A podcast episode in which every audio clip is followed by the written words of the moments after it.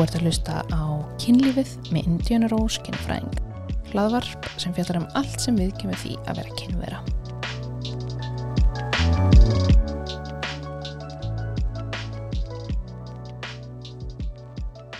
Góðan og blessaðan daginn og verið velkomin í kynlífið. Ertu velkomin í kynlífið með mér sjöfn, við höfum aldrei stund að kynlíf aður. Nei. Okkar fyrsta skipti. En þú ert vinkona mín. Já. Og þú ert fyllt annað, en tölum aðeins um að vera vinkona mín. Er það ekki gaman? Það er mjög gaman. Það er líka mjög gaman að vera vinkona þín. Það er smá mjög hendugt að vera vinkona þín. Já, ég hef nokkur sem fengið panik símtöl frá þér, Já, eitthvað svona kynfræsli tengt, sem ég veit ekki ekkur að panika svo, að því svo segir mér hvernig þú br- brást við og ég eitthvað, já, það er bara mjög rétt, já, hættum freka kannski að fá eitthvað svona pepp. Uh, en já, við kendumst fyrir nokkurum árum, en þú ert líka skáti, Ég er atvinnu skáti. atvinnu skáti, Nú, oh. það er ekki margir sem geta sagt það. Nei, þú ert að kenna mér svona bindingadótt og eitthvað. Já, ég er alveg góðið. Til í námski, uh, þú ert líka nemi, Já, ég er að klára núna í desember háskólabrú Keilis og ætla að segja háskólan í januar. hvað það Mhm. læri ég nú? Tómstunda og félagsmálafræð. En þú ert líka eiginkona. Já, ég er búin að vera eiginkona í næstu í 16 ár. Ég, ég ætla að vera þúsund ár að þið eru búin að vera svo lengi saman en þú ert líka mamma, þú ert rosa mörg börn Já, alltaf að ríða. Alltaf er ég rosa gaman að ríða. þess vegna erum við vinkunur Já. Ég á fimm börn, þau eru mm, tveggjara, fjögurara, tíu, þrettán og sextán. hvernig mannst þetta, ég er með mín börn ég á tvö og ég bara sko, hvenar eru, já það er fjár ára. Uh, hinn, ég er búin að segja eins og hálsás, ég er rosalega Já, marga mánu Já, já, en við ætlum núna aðeins að tala um að hafa kynfræðsluna heima. Já, uh, þú ert alltaf duglega í því. Já, ég, eh, ég reyni, ég er að gera mitt besta. já, það er eiginlega eina sem við getum gert. Uh, mannst þú hvernig kynfræðslan sem þú fjækst var? Sko, ég man ekki eftir að hafa fengið kynfræðslu, ég man ekki eftir kynfræðslu í skóla og ekki heima, en ég var samt mjög áhuga um kynlíf og var að lesa inn á hugi.is og um, kynlífsgreina, það var svona einhver þráður sem hétt kynlíf, eitthvað svona, Mm ég var í því og um, stelast í blikt og blátt blöð frá bróðuvingunum minnar. Gekki kynfræðsla, Já, klámið þannig að, já. Já. Um, svo bara, já, bíómyndir og eitthvað, ekki alveg besta. Já, þannig að mannst ekki eftir í skólanum og ekki heima og Nei, ekki, nei. sem er staðan hjá bara rosalega mörgum núna og eins og þú gerðir, þú vildi kynfræðslu þannig að þú fórst á netið og leitar. Mm og einmitt sem var kannski ekki endilega besta kynfræðslan nei, alls ekki. klámblöð, einhverja greinar á hugi og bíómyndir. Já, það veitir svona, að þú veist, það veitir svolítið brenglega sín á hvernig kynlíf er. algjörlega. Mm -hmm. að því líka maður vill svo mikið bara nákvæmlega hvað á ég að gera. Umlingar vilja það líka bara hvað, hvert á þetta fara. Já. og svo opnar það klámblað þú bara ok, þetta fer þangað geggjað. Mhm. og þetta er Þetta á að vera gott, mm bara svona. svona, svona gerur þetta. Og líklegast hefur séð bara tippi inn í legung Mm -hmm. og það er bara það sem á að gera. Ok, ég ger það og skrítið, akkur fæ ég ekki fullnægingu? Mm -hmm. emmitt uh, en mannstu, hvað kannski svona situr í þér? Eða eitthvað svona þegar þú ferðast undan kynlífa fullurins árum uh, og þá kannski pælinguna tengt unað sem þú fekst ekki. Þá, já, þá kynfræslan sem þú fekst ekki. Já, uh, það er bara það að ég má líka njóta. Það er svolítið það sem mér fannst vanta. mm Að sko, þetta er ekki bara fyrir kallinn. -hmm. Og þetta er, þó að þú fáir það ekki bara með tipp í píku.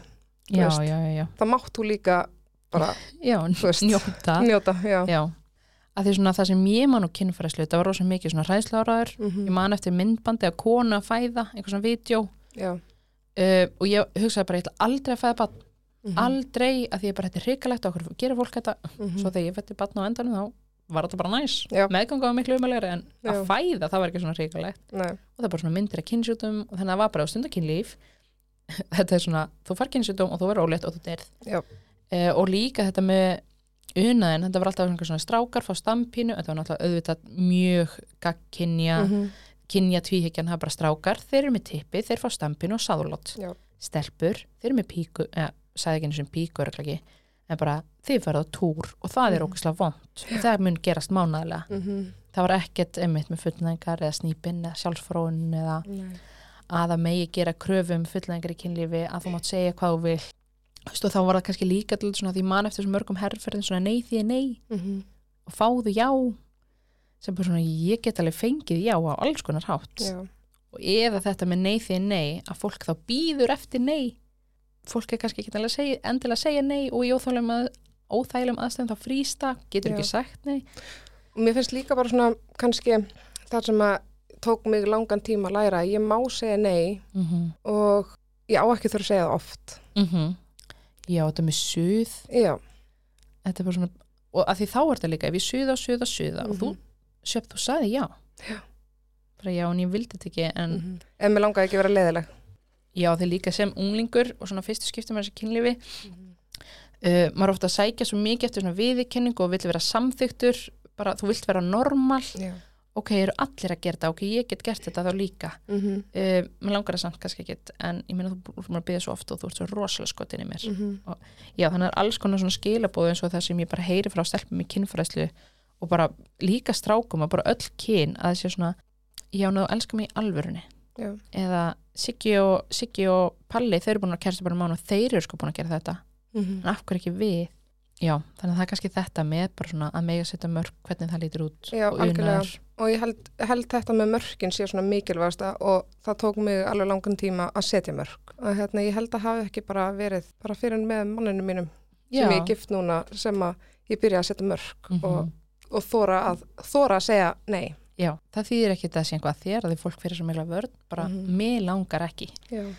Uh, og líka þetta, því það er oft uh, samtali með eitthvað samþykja mörg, það er bara þú, þú veist, við kannski unglinga bara, þú verður bara að setja mörg, þú verður að setja mörg, þú verður bara að vita hvað þín mörg eru, en ekki þetta bara, það má prófa sig áfram, Já. að því þá fyrir að vera svo rættur bara, omgættu, byrju en ég sett ekki mín mörg og mér langar alveg að prófa þetta, en svo fílaði ég þetta ekki, má ég þá æta við Mm. og, en ef ég kannski segja, því ég veit ekki hvort að fólk sem er að hlusta viti hvernig staðan á kynfræðslu er í skólum, Mm veist Ég þú veit það ekki.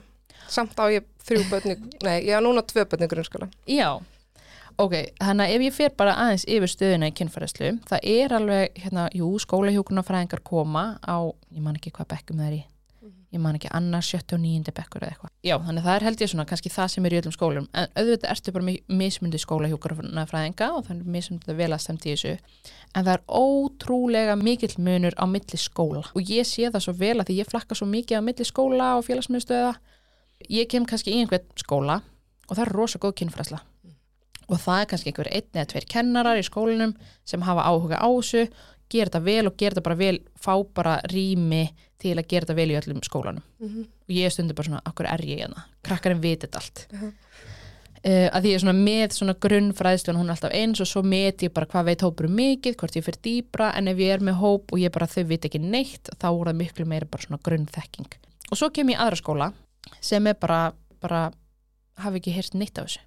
Eru þá kennarinni bara svona fimmnir eða, Uh, sko, það bæði uh, það vantar efni Já. kennurum vantar fræðislu og þjálfun sem er ekki í, yfir höfuð er ekki í náminu þeirra núna, hvað Mhm. þá kennaranir sem útskrifist fyrir 20 árum Já. þannig að þau vita ekki hvað þau að segja uh, það gríðarlega mikil gött í fræðislunni og svona að því það er ekki almennt samtal um þetta þannig, ok, segjum að ég og þú varum báða kennarir í sama skóla mm. Og við vorum hérna, ég veit ekki, tíðarhing við bara herrið kynfræsla, já ok, við erum að taka það. Herrið, ég veit að sjöfnur er að kenna náttúfræði ég held að hún sé að taka þetta bara þar. Ég, þau Mm. fara hann í hérna kynfræska og hún er örugglega bara að græta allt þar. Og ég er, ég er umsjónakennari og þú er bara, herðu Indiana er með umsjónakensla hún tekur kynfræslan um samþyggi og mörg og allt það, en að því það er ekki svona yfirleitt yfir þetta og hver er að kenna hvað og hver ber ábyrð á hverju og þeim vantar námsefni og vantar fræðslu þá bara því miður er kynfræslan bara gríðarlega lélega í þessum skólum. Og ég er kannski bara í, ég er jafnvel bara í nágrannu skólum, ég er kannski á höfuborgarsvæðinu í fyrir á milli tvekki skóla sem er undir sama sveitafélaginu og ég er í einum skóla og það er geggju fræðsla og ég er smá svona, mm, ekkur er ég þarna Mm. krakkarnir með geggja spurningar og pælingar þeir hafa almennt fengið meiri fræðslu og svo fyrir ég annan skóla þau bara svona eitthvað sem mér finnst svo basic bara með, bara hafi, ég, og þú veist og ég spyr alltaf eitthvað svona, ok, hafið þið fengið fræðslu, eins og því ég er að tala um túr. Og Mhm. þau bara uh, já, smá og ég fer svona að tala um og þau vita kannski ekki hvað eklós er, þau vita ekki hvað er hægt að kaupa tíðarvörur, Já. uh, þau vita ekki þetta gerist einu sinni í mánuði, þau vita ekki hvað er eðlilega eiturverkir. Og líka bara með hinseinleikan og með samþykja mörg og þetta er svo ótrúlega mismundi eftir skólum, þannig að þess vegna er líka svo ótrúlega mikilvægt að við fóldrinir sinnum þessu heima. Sko, sumum vinnum barna minna finnst mjög skrítið þegar þau segja bara 6-7 ára, æ nei, hérna, við getum ekki að fara í sund núna út að mamma mín er á túr og henni finnst Mhm. óþægild að fara í sund þegar hún er á túr. Og Já. þau bara, hvað er það? Æ, Já. þá er hún með svona blóð í píkunni. Já, þau eru bara, að þið líka, ert badd sem fer ekki fræðslunum heima. Og þú ert bara, bló, oh my god, mamma, hún er bara að deyja, hún er með blóð í píkunni, bara hvað ætli sé að? Og þau þurfa ekki að spyrja þig kannski og fara heim og þú eru ekki, eða eitthvað svona, hvað er blóð í píkunni? Og fólk er svona erfitt að bara, þetta, það er bara, þú þarf ekki að pæli því. Já, og þau eru bara, þau eru kannski bara heimið sér. Döðrætti mömmu vinna síns að því hún er að fara að deyja þegar blóð í píkuninnar, þú veist, vantar henni plástur, hvað getum við gert? En ég hef líka alveg séð að þeir eru mjög hérna, áhuga samir vinnir svona minna. Já. uh, af því að ég er með bara kassa upp á borði bara hliðin á klósitinu mm og hérna það er bara með dumbindi og túrteppa og smokka og veist, þeim finnst þetta Já. mjög, mjög hérna, áhugavert. Já, og við færum kannski yfir því að þess að þátturinn er auðvitað í bóði Durex og ég mæli einmitt alltaf með þetta við, eða foreldra unglinga, bara hafið smokka heima, Já. sýnilegt. Þið ætla ekki að spurja, hei, það er búið að taka þrjá smokka, þið mega alveg blása þetta upp og þið Mhm. mega fýblast með þetta að því við viljum að þetta sé eðlilegt. Já, og það að við séum með smokka heima þýðir ekki að þau séu að fara stundu kynlíf bara að þið vennist þessu. Mhm. og þetta er alltaf lægt, þetta er normal. Ég get beðið mömmu og pappa, ég get tekið henni heima og þóttir taka alla smokkana Mhm. Já. pakki kostar 600 kall, við Mhm. eigðum örgulega meiri peningi í aðra, já, þetta verður bara normal. Þannig að hafa bara dúraksmoka eru að styrkja hennan þátt. Eh, þannig að það sé bara normal. Já, og svo er auðvitað þátturinn í búið elk og unasvara og ég mæli með þeir búin að hlusta á hana þátt og þeir bara oh my fucking god, ég þarf að fara að hafa kynfræsli heima. Þeir að, þeir svona að byrja á spjallinu takja eitt spjall og þá velunnið ykkur kaupið ykkur nýtt tæki. Að það er líka hægt að panta alltaf á netinu fá bara heimsend eða fá send í drop til dæmis og það, bara, það stendur ekkert eitthvað að risa dildó í þessum kassa. Þetta er bara ómert mjög þægilegt. En núna tala þú svona frekar opinskátt já. og passa vel upp á kynfræsluna heima. Mm Hef, hefur bara alltaf gert það? Bara alveg frá því að elsti var um, sko, nei, það er þegar að elsti svona minn var sex ára Já. þá uh, kom vingurum mín til mín sem á dóttir sem er sex ára og þá hefði dóttir hennar sérst sagt við hennar, hérna, mamma, veist þú hvað er að ríða? Og mamma er bara svona, já, bara svona fara hessbak. Nei, það er að setja tipp í rass. þá hafði svona minn sagt henni það. ok, Og hérna, já, Þá svona fekk ég svona ljósapyru já, moment að ég var ekki að standa mig alveg mhm, og tók bara spjallið við hann um að uh, jú, jú, sumir ríða svoleiðis, sumir finnst það já, gott en það er ekki bara þannig og byrjaði svona, já. veistu eitthvað hvar hann heyrði þetta eða? hann heyrði þetta bara öðrum vini sínum Já. sem þetta gerist oft svoleiðis að því Já, við trúum að börnin okkar sé bara svona þessi barnslæg einlægni Mhm. þau þurfa ekkert kynfræðslu já, og þess vegna hefur þú öruglega ekkert verið að pæli því Nei. hvað þá ríða í rass að því fólk er bara svona Mhm. það er nokkrum skrefum undan þar sem að myndi vanlega kannski tala við um sex ára bat Já. En börn eiga vini sem Já. eiga eldri sískinni Mhm. sem sjá hvað eða segja eitthvað eða er að vera fyndin og er að, Mhm. eða eru bara að tala um eitthvað milli vini sin- sinna og þau Já. heyra já, og börn eru með gríðarlega stór eyru mhm. þegar þau eiga ekki að vera að hlusta og það er einmitt svona oft kemur, ég fæ einmitt oft svona skilabóð frá fólki og bara vinum mínum og bara oh my god, hann er bara 5 eða 6 ára og hann var að segja þetta, hvað á ég að gera já, bara, já og eins og þú gerður bara svona herri, ok, já, þú ég, hefði getað sagt nei, þetta er bara bull. Já, ég hafði náttúrulega þegar ég fekk ekki beint frá honum mm ég hafði tíma til þess að melta þetta eins og Já. ákveða hvað, hérna, hvernig ég ætla að tekla þetta. -hmm. og ég held ég hafi nú bara gert það rétt. Já, að hérna allavega var það rétt á þeim tíma. Og líka við viljum ekki fara að ljúga barninu, nei af því ef þú segir nei, nei, þetta er, ef við tökum þetta dæmi mm bara eitthvað tippi í rass. -hmm.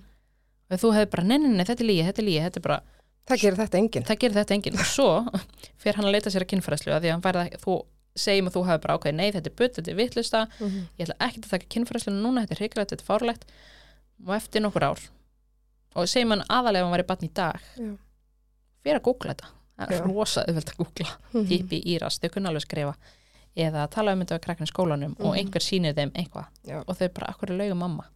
Já, mér fannst líka bara svona um, það sem ég hugsaði var bara kannski á hann eftir að fíla það einhvern mann já, og ég ætla ekki að vera að seima hann nei, veist. Þetta líka með skömmina. Já. og einmitt bara þetta er partur af kynlífi hjá fólki. Mm -hmm. og þótt að þú hefði kannski ekki eitthvað þetta hefði ekki endilega verið að fyrsta sem maður myndi vilja tala um. Nei, þú veist, maður er kannski, hvernig vera börnin til og, já, en bara, ok, hann er greinlega búin að heyra þetta. Ég ætla ekki að ljúa nei, að því fólk munur örugglega fríka út þegar það heyri þetta. Og vera bara, ha, tippi rask sex ára bann, hrikalegt. Mm. en bara, ok, hann heyrði þetta, við ætlum ekki að ljúa við ætlum ekki að seima að því það sem hann lærir af því, Mm. hann hefði ekki endilega lært, já, ok, þetta er ekki til, af því hann hefði fara að googla, komast að því að þetta er til. Mm. hann hefði lært, ég get ekki tala um um þetta. Já, að því svo það kemur eitthvað annað sem hann heyrir, ég veit það ekki Mm. eitthvað skrítið sem hann sér á netinu eða einhver segir eitthvað hann hefði ekki yfir höfuð spurt þig eða hefði þú farið að tala um þetta, hann hefði ekki viljað taka þátt í þessum samræðum nei að því hann mann skömmina, mm hún er svo ótrúlega sterk Já, já. Ég bara, hann spurði mig síðan eftir þetta, þú veist, reglulega svona, af hann var greinlega að hugsa um þetta, svona Mhm. mm spáka þetta væri og svona forvitin. Og það bara, þú veist, ég svara hann bara eins og mér fannst henda. já, það er einmitt líka þegar svo mismund eftir börnum og þroska og skilning. Mm. þótt að við værim bara með öll sexara börnum landinu, það er rosa mikil munur á þeim. Já, og þetta líka með að hérna, hann hefur getur koma spurt að því líka ef við tölum um umræðinu með klám mm því fólk er bara, nei, ég ætla ekki að fara að tala við 6 ára gammal barn með klám Já. eða 8 ára gammal barn. Nei, hvernig maður tala um það? Það er ekkert eitthvað, jæja kallið minn, hefur þú heyrt um klám? Ef að horfa, það er ekki þannig þetta er bara svona, herðu stundum sjáum við eitthvað á netinu sem okkur finnst kannski ekki þægilegt að horfa á. Af því það getur verið hérna einhver bardagi, einhver bíómynd eða sprengjur eða skjóta eitthvað, en það Mhm. getur líka verið eitthvað fullari fólk að gera eitthvað sem þú veist þú veist, þú veist ekki hvað er mm og finnst það skrítið og óþægilegt. Að það, við viljum að börnin koma að segja ykkur -hmm. herði ég sá, eða þú veist, og þá getur maður séð bara, stundum séður maður eitthvað í myndið eða sjónvarpið eða myndir af einhverju sem er ekki þægilegt að horfa á og það er kannski fullorðið fólk að gera eitthvað sem börnin eiga ekki verið að gera Mhm. hefur þú séð eitthvað svoleiðis það getur verið nei, því þau hafa ekki gert það Já. eða nei, því þau ljúa og skamma sín mm því að þetta var Mhm. þannig að þetta er svo mikilvægt að það geti komið og spurt þig Já. þá um alltaf skrýna sem maður rekst af í lífinu Mhm. og helstu þá bara áfram eitthvað Já. markvist Mm, nei, eða sko, ég veit það ekki. Bara svona þegar að það kom upp. Ég er mjög svona opin manneski og mér finnst ekki Mhm. erfitt að tala um kynlíf við Já. fólk. mm og þarna einhvern veginn bara svona fattaði, já, ég kannski bara þarf líka að vera það við börnum mín -hmm. upp á okkur markina já, já, já, bara að hafa kynferðsluna já, algjörlega og um, ég hef nú alltaf verið bara opin með, þú veist, að fara túr og svo leiðis, það hefur aldrei einhvern veginn verið issue ég held að það sé kannski svona fyrsta skrefið svo bara, já, bara að vera opin og tala opinskátt við börnum sín þegar þau komið með spurningar og eitthvað. Það er, ég, ég ákvað þarna, ég ætlaði að gera það. Já, og þannig, það hefur alveg gengið vel. Já. en ég er samt ekki fullkomin. Nei, ég er ekki fullna komin og ég er kynfræðikur og fólk heldur kannski að ég sé bara geggja góð í þessu. En þetta líka með hérna að maður þarf ekki að kunna allt ef maður að byrja. Nei. það má vera bara, herri, þetta kom flatt upp á mig. Mm -hmm. og líka þetta, við verðum að venja þau við að geta spurt og geta talað um kynlíf og Mhm. bara allt kynheil notum bara kynlíf fyrir allt kynheilbreiðist tengt Já. af því að við getum ekkert ætlast til að þegar þau verða 16, 17, 18 Mm og fara að byrja að deyta eða stunda kynlíf eða að gera eitthvað að þau bara séu geggja góð í þessu geggja góð að setja mörg að segja hvað þau vilja, hvað þau vilja Mm. ekki ef þetta hefur verið rosa mikið skömm yfir þessu heima -hmm. hvernig átt að fara að segja herri, já, mér finnst rosa gott að láta hérna starta með snýpin ég vil hérna ekki að sé kreista mér pungin Já. uh, mér finnst gott þetta ég vil nota smokk, ég bara gera kröðum það Mm -hmm. ef þú þekkir ekki smokkin, þú þekkir ekki hann er ekki normalasæri fyrir þér Mm -hmm. þú hefur aldrei mátt geta spurt fóldræðina sagt fóldræðinum eða fólkin í kringu þetta er ekkert eitthvað eins og Mm. við kannski þekkjum sjálfar Mhm. fengum ekki eitthvað geggjaði kynfræðslu skólum heima hvað, hvað er maður lengi að Mm. læra að setja mörg og byggja um það sem maður vill og allt þetta Já. hverju finnst þér svona skila fyrir svona þig fyrir fjölskylduna í kringum þig að þú sért að þú gerir þetta yfir höfuð kynfræðsluna heima Mm. Ég er náttúrulega, börnum mín er ekki fullorðin þannig ég sé kannski ekki Mhm. eitthvað þannig árangur, þau eru ekki í sambundum og svoleiðis mm -hmm. en sem að ég er svona, mér finnst það skilja þau koma til mín ef þau eru með spurningar.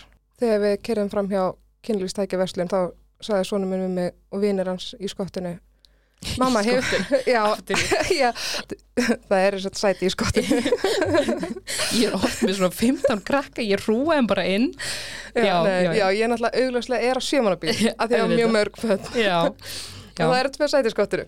Já. Og- já, þeir hérna hann segir, mamma, hefur þú ekki farið þarna inn? og ég segi, jú, jú, jú og þeir, þeim fannst þetta alveg svo vandræðilegt vinum hans, en honum fannst það ekkert Já. þá var hann sagt að segja, já, mamma, mamma hefur farið þarna inn Já. og þeir trúðu ekki, sko, að ég væri búin að segja um ég hef farið þarna inn Einmitt. þannig að ég held að það skili því bara að þau eru bara svona þóra að koma til mín og eru ekki feimin Mhm. að spyrja og eru vonandi bara upplýstari Já, og hérna uh, svona minn elsti var að byrja í sambandi og ég byrjaði bara að hérna á að tala um bara já þegar þið byrja að stunda kynlíf þá hérna vil ég að þú setir þú veist, þín mörg og virðir hennar mörg og svona eitthvað. Bara það að börnin þín bara hafi þetta á hreinu þegar þið farið sambönd mm -hmm. og munu örgla líklegast því þú átt svo mörg einhvað af þeim maður allavega einhver tíma stundar kynlíf já, já það er meiri líkur um minni þetta verður kannski Já, allt í læg maður hefur svo mikla ræð maður svo rættur Já. um börnin sín. Hann sagði við mig sko, mamma sko, það er miklu, ég veit þetta alveg það er miklu meiri fræðsla núna heldur en þegar þú varst lítil já, þannig að þú veist, hann áttar sér líka því að Mhm. fræðslan er að aukast Já.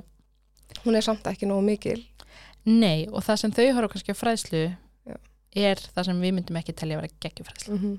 þannig að það er líka, þú veist, þau eru svona jú, það er ekki fræðsla og við fórum henni í kynfræðslu tíma og svona já, emmitt en kannski finnst hún líka að því þú tala svo mikið um þetta heima já, já, eða það er tilfallandi í skólanum hans að það hefur verið góð fræðsla. Já. en kannski einhver sem hann verður mögulega með í framtíðinni fær ekki þessa fræðslu. Ég held að þú hafi nú verið með henni í fræðslu. Alveg örglega, einhvað já, en hérna en ég, þú veist, þarna gat ég líka bara því að þetta er ekki feiminismál hjá okkur, ég gat bentunum á eh, Sigurdögg og því Já. að hún er með mikið inn á sínu miðli Mhm. og ég gat bentunum á miðlendin já, og hérna og það var ekkert vandræðilegt, ég sagði bara, þú veist, að þið langar til þess að skoða eitthvað, þú veist, þá er þarna já. eitthvað sem þú getur skoða og ég líka, þú veist, alltaf þegar ég er í kynfræðslu með krökkum þá sýni ég eins og Instagram mitt mm og e-maili mitt, ég bara, þið getið alltaf sendt mér. Skiptir ekki máli hvort það sé í dag eða eftir mánuði, eftir tvö ár. -hmm. og það þarf ekki vera hæ, þetta er e, þetta er siggi í þessum skóla þú varst með fræðslið, -hmm. ég bara, þeir sendi bara hæ, hver kaupi jólutupróf ef það er spurningin, eða hvernig veit ég hvort það er jólut, ég bara svara, við spjöllum ég veit þú er búin að fara svarið, ég eigði skilabóðum hjá mér. Já, og þau vita þá þetta og ég fæ mjög reglulega. Og ég er ekkert eitthvað byttu, ég er ekki að kíkja á prófælinn þeirra, ég er ekki Veit, ert þú orðin nógu gammal til þess að vera að spá í já, sjálfsfróðin? já, bara, herðu kalli minn. Já, ég sé hérna, þú ert heim í garðabænum. Já. hérna, já, Veit mamma en þetta? já, ég ætla að ringi hana, þú sért að pæla hvað og kaupi smók nei, af því þetta, fólk þurfa að hafa vita hvert maður getur leita til að fá Mhm. áræðanlegur upplýsingar Já. þótt að þau vita að þau geta að tala við þig Já. en þá er bara sumt sem maður langar ekkert að segja með mér svona pappa skilur Mhm. að Já. þau geta þá svona lesið um eitthvað eða sendt þar Mhm. en hvernig talar við, að þú ert nú börn á svo breiðum aldri, hvernig talar við þau um bara svona, ég veit ekki við finnum bara einhvað dæmi, bara ok, eins og bara kyn, líffræðilegt kyn og kynvitund að. Um, að þetta eru þetta svo mismund eftir aldri. Ég hef alveg bara frá því að þau voru lítil eða bara frá því elsti fættist og þanga til núna. Eins og með bara kynneigð og svona ég hef Mhm. aldrei sagt, já þegar þú eignast kærustu. Ég hef alltaf bara talað um þegar þú eignast maka eða ef einhver segir, já þegar ég eignast konu. Já. já, eða mann. Já, og svo bara, hvað var spurningin? Æ, eins og með líffræðilegt kyn. Já, og kynvitund, þannig að Um, líffræðilegt kyn er, þú veist, ertu með píku eða tippi Mhm. og samfélag segir, já þá ertu strákur, þá ertu stelpa. Ég sko eitt bata mitt sagði einu svona við mig uh, já, stelpur eru með píku og strákar eru með tippi. Einmitt, mjög nýlega. Já. Um, og ég ég sagði bara, nei, nei, nei, sum mm eru með tippi og sum eru með píkur. Já. hérna, að að það er bara já, það eru transbötni kringum mig. já, og, hérna, og í kringum bötni mín. Og, í samfélaginu? Og bara, Já. og Mhm. ég hérna, passa á því. Ég fór á fyrirlestur um svoleiðis þegar ég var að vinna á leikskóla. Mm um hérna bara svona málefni transbötna -hmm. það var ekki fyrir þá sem ég fattaði að ég væri ekki að tala þannig eða, þú veist, ég var kannski ekki að segja eh, já, stelpur eru með píku þú veist, já, já, já, en þú myndu, hefðir ekki leiðir þetta þú hefðir Nei. kannski bara, já, það Já. er rétt, vá, Mhm. geggja Já, þannig að, og sko uh, eitt svona minn var með mjög sítt hár mm -hmm. og það var oft verið að segja við hann uh, ef hann var að fara inn í kallaklefa bara, "Eh, þetta er, er kallaklefin og ég heyrði aldrei til þess að hann hefði sagt, ég er með þú veist, það var bara ég er strákur ég er strákur, snúið Já. sér við og þau, já, guð fyrir geðan, ekki eitthvað, nei, nei, nei, þá verðum við að taka tjekkið. Já. Fólk, þetta flækist oft fyrir fólki, Mhm. af því það fyrir eitthvað panik og hugmyndunar okkar mm smita svo út frá því hvað við erum að kenna. Og, og hérna, eins og fóreldrar sem tala við mig og þú veist, við eigum báðar auðvitað börn á svipum aldri, -hmm. þú veist, þessi leikskóla aldri börn, bara svona, já, ég meina þau þurfu ekkert að vita um þetta trans og allt þetta dót, Mhm. ég er ekkert endilega að fara að segja, já, já, svo, svona sæll, uh, núna verður fyrirlestur um trans fólk, uh, sestu og horfðu og hérna glósaði Mhm. þetta er bara, að því þau eru einmitt ros- rosa mikið í að pæli hverjum og flokka og það er alltaf Já. bara, þetta bara, það er bara, nefnum mig hún bara sigga, Mhm. það er stelpa -hmm. og svona, já, okkur segir það Mhm. hún segir það, ok, flott Já. það er ekki, að ég ég fór og kíkti og hún er með Nei. píku, Já. en það kemur líka bara, mamma, þú ert með píku, þá ert þú stelpa -hmm. ég eitthvað, já, ég er stelpa en það er ekki allar stelpur með píku Já. og það þá svona, hm en alltaf bara, já, þe þetta er bara það er strákur, Mhm. Palli er strákur, Sigga er stelpa og það er ekki svo ég veit kynsegin batnadeildin hans þá þarf ég að vera bara, já sumur er stelpur og sumur er Mhm. strákar en sumur líka stálp, Já. veistu hvað stálp er? Nei, svona, já, ertu ekki stelpa og ertu ekki strákur Mm já, ok þótt að ég sé ekkert eitthvað að fara í eitthvað jæja, ok, það er nú samfélagið sem segir hvernig kyn við erum og hérna kynvitund er bara félagslega ákveð -hmm. ég bara segi það, þetta er bara svo með aldrinum Já. og líka þetta með líffræðilega kyn Já, það er svona, mér finnst það smá erfitt. Ég, er svona, ég veit ekki alveg hvernig, af því að það er svo breytt. mm að því eins og við pælum eins og það eru fullt á intersex Já, börnum og fólk svona eh, fyrir þau sem vita ekki hvað intersex er þá er þetta bara svona yfir heiti, yfir líffræðilegan fjölbreytileika á kyn enginni mm bæði innri og ytri og fólk átti að segja ekki þú veist, þetta var oft, það var svona niðrandi orðum þetta var svona tvítóla -hmm. eitthvað svona alls konar niðrandi orð og fólk væri bara eitthvað kynvillingar alls konar niðrandi eins og bara um allan hinseginleika það, það fólk finnur alltaf eitthvað -hmm. og fólk er ofta eitthvað svona að því þegar fólk tekur þessu umræði bara það eru bara tvökin bara Já. líffræðin lígur ekki, bara nei og emmitt líffræðin lígur ekki þetta er miklu fjölbreyttara Mm og kynfærin geta verið bara að þetta getur sést utan á -hmm. Ok, segjum bara batfæðist, sést utan að bara já, herru, þetta er ekki alveg hefðbundin kyn þetta er svona óhefðbundin kyn einkenni þannig kannski, já, þú sér tippi en það er líka leggangóp og þá fríkar fólk út bara ég get ekki sett í bóksi í stelpaða strákar. Þannig það er bara, ok, það getur sést utan á. Það getur líka verið bara batni fæðist ég sé píku. Svo bara einhvern tíma setna út af einhverjum ástæðum er eitthvað rannsóknir þá kannski, já, það er píka og legan ekki ekkjastokkar mm þannig það getur verið, þú veist, fjölbyrðirleiki Mhm. en það getur líka verið bara stelpan fæðist með píku, hún, hún bara fer á túr og allt í góðu lægi svo er hún bara einhverjum ástæðum fyrir hún í litningaransó -hmm. 50, segjum það þá kemur ljós hún kannski bara með XI litninga sem er vanlega inn að gesa lappa strákar Mhm. en þetta við erum ekkert útskýrandilega fyrir fjagra ára batni eitthvað, jæja, hefur heyrt um litninga Mhm. en þetta er meira bara svona, já sumir með tippi, sumir með píku og stundum er alls konar svo getur þú verið með einn x-litning, bara x0. Já. Verið bara með, þú veist, líkama stelpu, mm en samt ekki með egg. Já, af því þetta, þetta er svo ótrúlega fjölbreytt Mhm. og ef við erum að tala um börn við þetta, þá getum við líka til dæmis bara, ok, hárlitur sumir með dögt hár, Mm sumir er með ljóst hár en sumir með rautt hár En hvenar, þú veist, ég ekki náttum ekki alveg að því, hvenar er rétti tíminn til þess að... sko eins og núna fjæra ára börnun okkar Mm -hmm. það er alveg hægt að byrja að tala um þetta því þau eru svo Mhm. mikið að pæla í kynfærum og svo leis alltaf eitthvað, mamma þú ert með þessi með píku þessi með píku, alltaf að segja mér hver er með pí- píku hver er með Já. tippi eh, ef þau eru að segja bara hérna, sem ég veit að þau hafa ekki séð kynfærin á Mhm. þannig eins og sonu minn var líklega til að segja við höfum aldrei farið sund saman með börnun Mhm. okkar hann var líklega til að segja, sjöfni stelpa hún er með píku Já, og þá get ég sagt, ég veit það ekki já, ég hef aldrei farið í sund, ég hef aldrei séð hún, ég hef Mhm. ekki spurt sjöfn, Mhm. og maður er ekki að spurja en sumir, já, sumir með píku sumir er tippi og svo er líka til alls konar kynfæri Mhm. sem eru ekki alveg tippi og ekki alveg píka já. alveg eins og við myndum tala um hárlit Mhm. ef hann væri bara eitthvað sjöfni með svart hár ég, þú ert ekki með svart hár þá get ég verið Mhm. eitthvað nei, sumur er með svart hár, sumur er með ljóst hár og Mhm. svo er til alls konar hárlitir það er til alls konar kynfæri það er til alls konar tippi og alls konar píkur Geti ég sagt að bara, þú mátt fara að spurja hana hvernig háralið þú er með. sko, ég myndi ekki segja um að endilega spurja Nei. og þá er það svona já, af því þetta er þetta eru Mhm. bara staðir fólk sem vill ekki tala við kannski Já, um við já. aðra en Mhm. ef að hún segir, ef að sjöfn segir þér ég er með Mhm. píku, eða Mhm. sjöp segir ég er með brúnt ár eða Mhm. rautt ár eða eitthvað þá er ætlum ekki að spurja Já, fólk má eiga mhm. kynfærin sín Já, já. alveg eins og, þú veist við meðum kannski verið sundi, við kannski horfum á kynfæri annar en við megum Mhm. ekki snerta þau Já, já, já. en þetta er bara svona að því við erum að tala um og eins og bara líka maður, sumur með bumbu, sumur ekki með bumbu Mhm. eða ég er með bumbu og ég og sjöfnur erum ekki með eins bumbu Já. ég er með píku og sjöfnur með píku og við erum ekki Mhm. með eins píku Mhm. að því þá erum við bæði að tala um bara kynfæri eru öðruvísi, þau getur verið stóru og getur lítið, það hérna, Mhm. lítið öðruvísi út þótt þessi oft mjög svipu þegar börn eru bara börn en með aldrinum þá erum við bara að gera þetta eðlilegt að það er fullbreytileiki Mhm. En við byrjum á þessu fjár ára Já. við erum ekkert endilega eitthvað því þú veist, þau veit ekki hvað leg og æxlunum Mhm. mm eitthvað svona, Nei, já, já. en þetta er bara að það er til alls konar já. og alveg eins og öll líffræðin Mhm. er alls konar, hárið okkar hendun okkar er misstórar e, tungun, þú veist eins og ég næja snerta með nefi með tungunni en ekki strákurinn minn Já. þú veist, að bara svona útskýra aðra part af líkamannum sem eru öðru sem milli fólks, Mhm. það byggir grunnin fyrir þegar hún er hans eldri Mhm.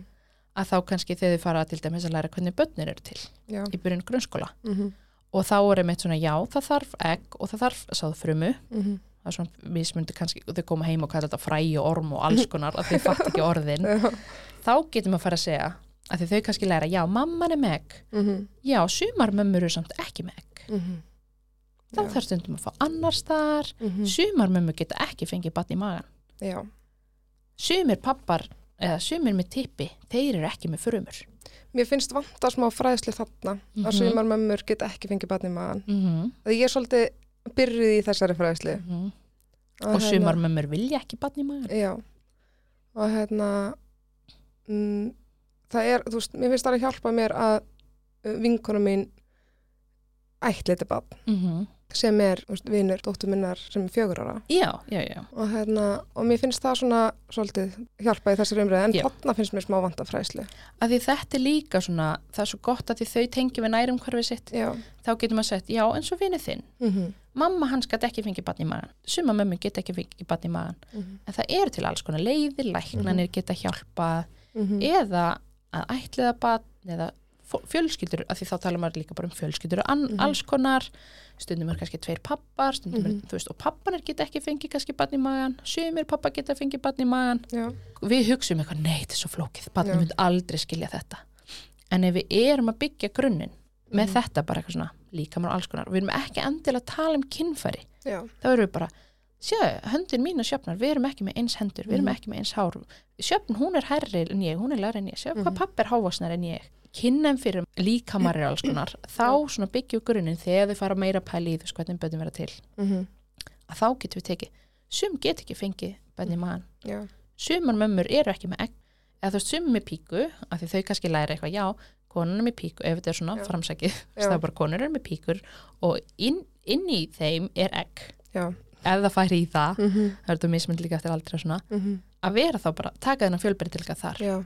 Finnst það að Mhm. meika sens Já, það mjög mikið sens. að því svo þau eldast og þau fari náttúfræði og þau fari hérna að læra um litning og DNA Mm að vera eitthvað svona, að því þau læra þá kannski bara þegar þau eru að byrja á þessu grunnþekkingu bara XX og XY Já. og það gæti vel verið að sé í kennslubókunum ég bara er ekki búin að tjekka það nýla Mm að það sé tala um intersex að þá getur maður verið bara já að því mannstu alveg inn, þá byggja maður á grunninum sem maður er búin að byggja, bara já, alveg eins og ég og þú erum ekki með eins hendur, -hmm. eða ég og vinkunum erum ekki með eins hendur, Já. þá erum við kannski ekki með eins litninga. Mm -hmm. og þá, og litningan er að því þú varst að læra það ákverðar hvernig kynfærin verða. Já. Eh, ekki alltaf, það er ekki alltaf svo leys en svona fyrir börnin, við erum útskýrta einfalt þau eru kannski sem í fymta, ég veit ekki hvernig að læra litninga. Miðstíi einhver tíman eða unglingastíi, Nei, ekki hugmynd. ekki hugmyndum það þannig að þá fer maður að segja bara já Já. af því að þú, þú varst að læra XX og XY en svo er til alls konar Mm -hmm. það er hægt að vera bara X það er hægt að vera XXI Mm það er hægt að vera alls konar Já. en það verður rosalega erfitt að taka það ef þú hefðir alltaf verið já, allir er með eins píku, já, mm Mhm. konur er með píkur og hérna, það var bara, ha, -hmm. hvað meinar þau? En við, veist, við þurfum alltaf svona að byggja grunninn þannig að þó við erum ekki endilega að útskýra fyrir fjagur ára batni hvað intersex er og hvað hefðbundin kynenginni eru og litningar Mm og hormónar og allt þetta þá eru við bara líka með alls konar -hmm. Og kannski bara svona halda þeim svolítið bara svona opnum. já, Mm -hmm. og bara já, og svo ef að þau eru í búðinni er þessi með, getur þessi kona fengið batni í magan Mm -hmm. svo ég veit ekki, Já. en ég ætla ekki að spurja hana Mm -hmm. Já, við þurfum ekki að vita allt. já, við þurfum ekki að vita allt. Og sumir vilja ekki fá þessa spurningu Já. Já, mjög mikið Já. sens. og svo að þetta, því maður þarf að byggja grunnum. Það er ekki eins og þú hefur bara kæmir heim með 16 ára krakkan og bara intersex, þú veist hvað það er. Ef að þú hefur bara, ok, seg- segjum að vera blindur sæi ekki og bara s- sæi almennt ekki í mismundi líkama, Já, þá þurft þú myndir ekkert byrja á leikningafræðslunni Nei. þú myndir vera bara, herrið, kallið minn fólk er mismundi, missi hálflit, mismundi að því fólk, börn sjá það og maður kenna þeim bara svona líkamsvirðing og sumir, er með bumbu, sumir er ekki með bumbu og það sé allt í læg Mhm. þar er grunnurinn og líka þetta með kynneið og bara svona allt, að því við erum bara að kenna þeim hvað þetta er allt svo fjölbreytt, mm Mhm. -hmm. sens og þá líka, að því svo kemur kynvitundin að þau eru alltaf, Já. með píku þá er stelpa Mhm. að þetta, nei, þú veist sem við varst að tala um á Já. og þetta með stálpa, sumir er kynsegin þú veist, sumar stelpur eru með tippi Mhm. og Já. þau eru svona, þú veist eins og að því fólk hugsa eitthvað, er svo flókið fyrir börnin. Ég segi þetta ofta stráka mig, hann bara, já, ok þeim er alveg sama, Mhm. ef að ég hefði alltaf verið að implinta í hann, bara nei, það er bara píka það, þá ertu stelpa, Já. þá var hann bara nei, hvað er þetta byllu mamma, þú ert Já. bara plata. Já, eins og með kynvitundina, að því að maður er alltaf að því maður verður líka að passa þetta, ok, ég er kannski að ég er svona, já, já, ég er búin að segja þetta nokkru sinnum. Mhm. en það er kannski 10% af því sem þau heyra allan daginn, svo horfaðu sjónvarpið og svo eru krakkar í skólanum og leikskólin þegar 90% af skiptunum verða að segja stelpur með píku, Mhm. þá verður maður ennþá meira innbra á þessu heima. Mhm. Og börnin geta alveg klúðrað þóttan maður er góða Já. fræðslu. Þau eru bara börn. Þau eru bara börnum, ég Já. meina við klúðurum Já. að því að þetta er svo fast í ykkur að Mhm. áallega kyn fólks út frá sem og er hérna hvernig fólk lítur út bara Mhm. já, þú ert með sítt hár, þá ertu stelpa Já. þannig að, veist, og þetta einmitt líka verðið að byggja grunnunum að Mhm. bara, já, fólk er alls konar Já. já, kannski er hann ekki stelpa Mhm. Og líka einmitt að því þegar við erum að lesa fyrir börnin það oft vantar svo kynfræðslefni Mhm. en ég get alveg lesið einhver bók og ég get alveg breytt sögunni Já. ég get alveg látið karakterin í kjól heita Sigga ekki Siggu Já. Siggi elskaði að vera í kjól Já. þau veit ekki, hann kann ekki lesa. Það er aldrei fyndi sýsti mín á dóttir og þegar hún var fimm ára þá segir hún hérna að sem sagt svona minn sem hár, sítt hár, væri stelpa. Já. Hún var alveg, nei, hún er hún, við bara, þú veist, hún var fimm ára. Hún, Já. hún held bara virkilega að frændinar væri frændinar. já, að þú með sítt hár Mhm. þá er þetta stelpa, Já. þá er þetta kona Já. að því þetta, þau, að fólk átta sig ekki á hvað þau eru ótrúlega snemma Mhm. að átta sig á það eru hérna kyn Mhm. og það eru ákveðin kyn hlutverk og fólk á, haga sér ákveðin hátt út frá kynu sínu. Já. Stelpur eru með sítt hár, þær fara í kjóla, það sem þau sjá í sjónvarpið, það er, þú ert prinsessa, þú ert Mhm. stelpa, e, þú getur verið, ert strákur, þú getur verið prins eða rittari eða ofurhetja, þú getur verið alls konar. Mhm. Þannig að þetta, fimm ára, auðvitað er þetta stelpa með sítt hár. Já, og við bara, við höfum ekki hugmyndum, við föttum þetta bara einn daginn þegar hún var alltaf að segja, já hún, hún, og við bara, já hann, Já, bara, hvað er akkur? nei, hún er stelpa, Já, bara, akkur heldur það, sérðu hárið á henni? já. Þannig Mm. þess vegna líka bara, maður átt að sjá að börnin sem geta bara já, þarna Mhm. eru það að læra um kyn Já. og kynhlutverk og þarna eigum við að vera byrjuð. Mm Þú veist, ég er ekkert með eins og hálsás barnum mitt, eitthvað, þú ert með tipin ekki allir, hann veit ekkert hvað ég er að segja. Nei. En þetta, þegar maður byrjar að taka eftir því bara, já, já, ég, við vorum í memma og ég var pappin, -hmm. varst strákur, og stelpun alltaf mamman, maður er eitthvað, já. Já. Og ég ger þetta líka mjög viljandi, við verum í leik og þá er ég bara, ég ætla að vera pappin. Mm Ok, nei, þú ert mamman, nei, ég ætla að vera pappin, mér langar að vera pappin. -hmm. Aðeins ruggla í hugmyndunum þeirra Já. og vera bara svona, nei, það er til alls konar. Mhm. Við sko, dóttur mín og bróðurinn og litli eru mjög mikið, hún er mjög mikið prinsessuleik Mm -hmm. og hann er rosa mikið í kjólum líka Mm og pappanum fannst það smá svona skrítið fyrst Já, hann bara svona nei, ég ætla að setja hann í þennan kjól af því að hún á mjög mikið svona kjólabúningum já, hún er rosa mikið prinsessa. Og hérna núna er það bara allt í læg og hann já, lappar upp að kjólaslóni og vill fara í þennan kjól og, og við leifum hann það bara auðvitað, og líka þetta fullurna fólki að þetta er svo ótrúlega fast í okkur. Já, og þetta líka, ég veit ekki hvort þú sást umræðanum daginn með hérna hvort það var Seðlabankin eða Hagstofan var að gera eitthvað, út- gefa eitthvað, eitthvað tölur út. Að börn, bara lítil börn bara ég held að, þú veist, undir tveggjur og eitthvað, strákar eiga meiri pening inn á bankabókum heldur en stelpur. Er ekki að tjóka mm -hmm. Að því þá bara strax og börn eru lítil bara þá erum við farin að valja og þetta við gefum strákum fyrir eitthvað pening Já. stelpan fær eitthvað dútlir í Mhm. og líka þetta bara svona eins og þegar maður er bara út að kaupa, að því núna er ég stráka Mhm. stráka deildin, ég hef tvo stráka og maður fer í, þú veist, þeirra skoða fött Mhm. strákadeildinar í búðum sem skipta eftir kynjum það eru oft bara, það eru tvær slár eða eitthvað, svo er stelpadina, það er bara allar heimsins pífur og, þú Mhm. veist, ég var ofta að kaupa bara svona það sem myndi flokkast sem stelpa á strákunum Mhm. ég bara, minnst þetta miklu sætira, það eru pífur á þessu við sem að pífur eru sætar á svona badnarössum, Já. svona bleirössum Sjúklega sætt. sjúkla sætt uh, og allt einhver svona dúlri menn Mhm. strákaða og þú veist og þá er bara eitthvað, það er risaðila og það er hérna monster truck Mhm. og það er grafa Já. bara ef maður ætlar að finna plain ból Mhm. á barnastrák, bara gangi er vel Já. já, þannig þetta líka Mhm. það er svo ótrúlega svona, þannig að þetta byrja rosalega snemma Já. Sko, einn svona minn, hann vildi alltaf vera í leggings þegar hann var í leikskóla mm og við vorum að fara í barnafattabúður og svona. Hún fann samt alveg að hann var fimm ára, hann vildi ekkert vera í stelpudeildina. nei, nei, nei, og þú fer ekki bleitt á þetta stelpa Mm En það, já, hann var, við fundum svolítið svarta leggings og svona í Mhm. stelpudeildinni. já, Þetta mætti líka alveg vera smá bara svona, þetta er bara þetta er bara badnaföt og minnst líka ótrúlega áhugavert að skoða fat, munin á fötunum og ég Mm. kaupa oft strákarföt Já. Að því gæðinu er líka bara betri Mm það er kannski og svona, eins og bara bólir, langarmabólir -hmm. þeir bara bólir á stelpubólum þeir eru stittri, Já. bönnin eru samt eins líkamlega vaksin, þeir eru stittri efnin eru oft verri, veist, Mhm. eins og joggingbúsu, það eru bara svona þykkar og góðar Mhm. í strákadeildinni Mm og stelpunum fá leggings sem eru bara geða þunnar Mhm. og þannig ég er svona, jú, ég kaupi í strákadeildinni Mhm. að því bara, það eru bara svona meiri geði Já. meiri efni og maður hefur líka séð svona á netinu að vera að bera saman, -hmm. kannski krakka stuppbuxur Já. stráka stuppbuxuna, þeir eru bara niður á hnjá, Mhm. njám og það eru vasar Mm og stelpist uppbuxunar, maður er bara svona heppin að það næri við rass það eru ekki vasar, það -hmm. eru vallabönd Já. en stelpubuxunar er samt dýrari Mm þannig að þetta er líka svona þau byrja rosalega snemma líka að læra sér kynhlutverk og þú Já. átt að vera prinsessa -hmm. og þá á einhver að koma að bjarga þér og þú ert mamman og þú ert að heima elda en pappin hann fór í vinnuna Já. þau eru ennþá í þessum leik þótt að við sem foreldrar Mm -hmm. erum ekkert endilega stimpli þú veist, Nei. ég er bara úti vinnandi og mamma, pappi vinnandi, Mhm. þú þannig fólk hugsa þetta bara, nei við erum nú bæði en Já. akkur er barnið mitt í þessum leik samt, Mhm. Já. að því skilabóðin er svo lúmsk -hmm. en ef við höldum kannski áfram hvað þú talar við börnunum og þú er kannski Mhm. búin að vera að tala um hérna eins og þetta með að bara já, en þú eignast mann Mm þú veist, og svona kannski svona hins einn líka vinkilinn -hmm. talar þá almennt eins og um bara fræðslu um alls konar kynlíf eða er það meiri fókus á samfari eða þú veist hérna tippi í píku ekki vera óléttur eða ólétt um, það er kannski meira bara svona þeir, þeir hafa ekkert ég veit ekki, kannski er það bara af því að þetta er svo eðlilegt mm -hmm. að þetta er eitthvað neginn ekkert bara eitthvað svona einu sinni sem er verið að spyrja Mhm. þetta er bara meira svona já, bara meira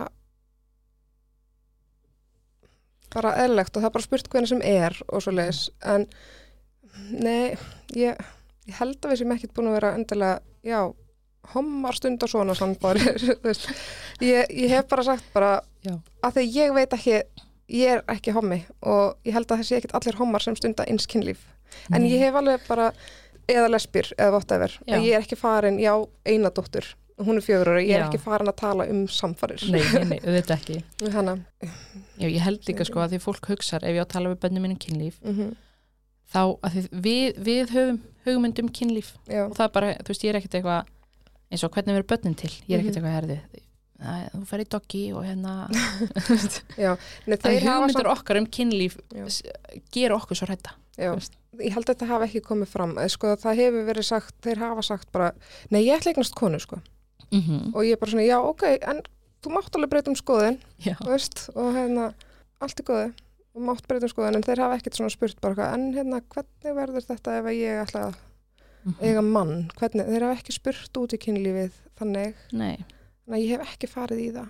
Ég hef sem ekki hugsað er út í líka ekki endilega það sem við erum að kenna Nei. við erum ekkert eitthvað, ok, svo þegar þú ætlar að setja tippið inn í rassin eða það. Mm þetta þetta er meira bara svona að kenna samskipti og Mhm. samtal og hvernig þetta örugur og setja mörg Mhm. og ef það er eitthvað óþægilegt eða vond þá bara stopparu -hmm. og það skiptir ekki máli hvernig kynli, hva, hvað tæknileg atriðin eru En ég hugsa að þeir gæti alveg komið þann til mín og spurt mig já, af því að þeir koma til mín með allt, mm. spyrja mig að öllu og ef þeir vilja eignast kynlífstæki þá geta þeir komið til mín og beðið um Mhm. það. Um, og þeir vita það. Já. og hérna, þeir vita hvað sleipefni er af því að það er bara þarna.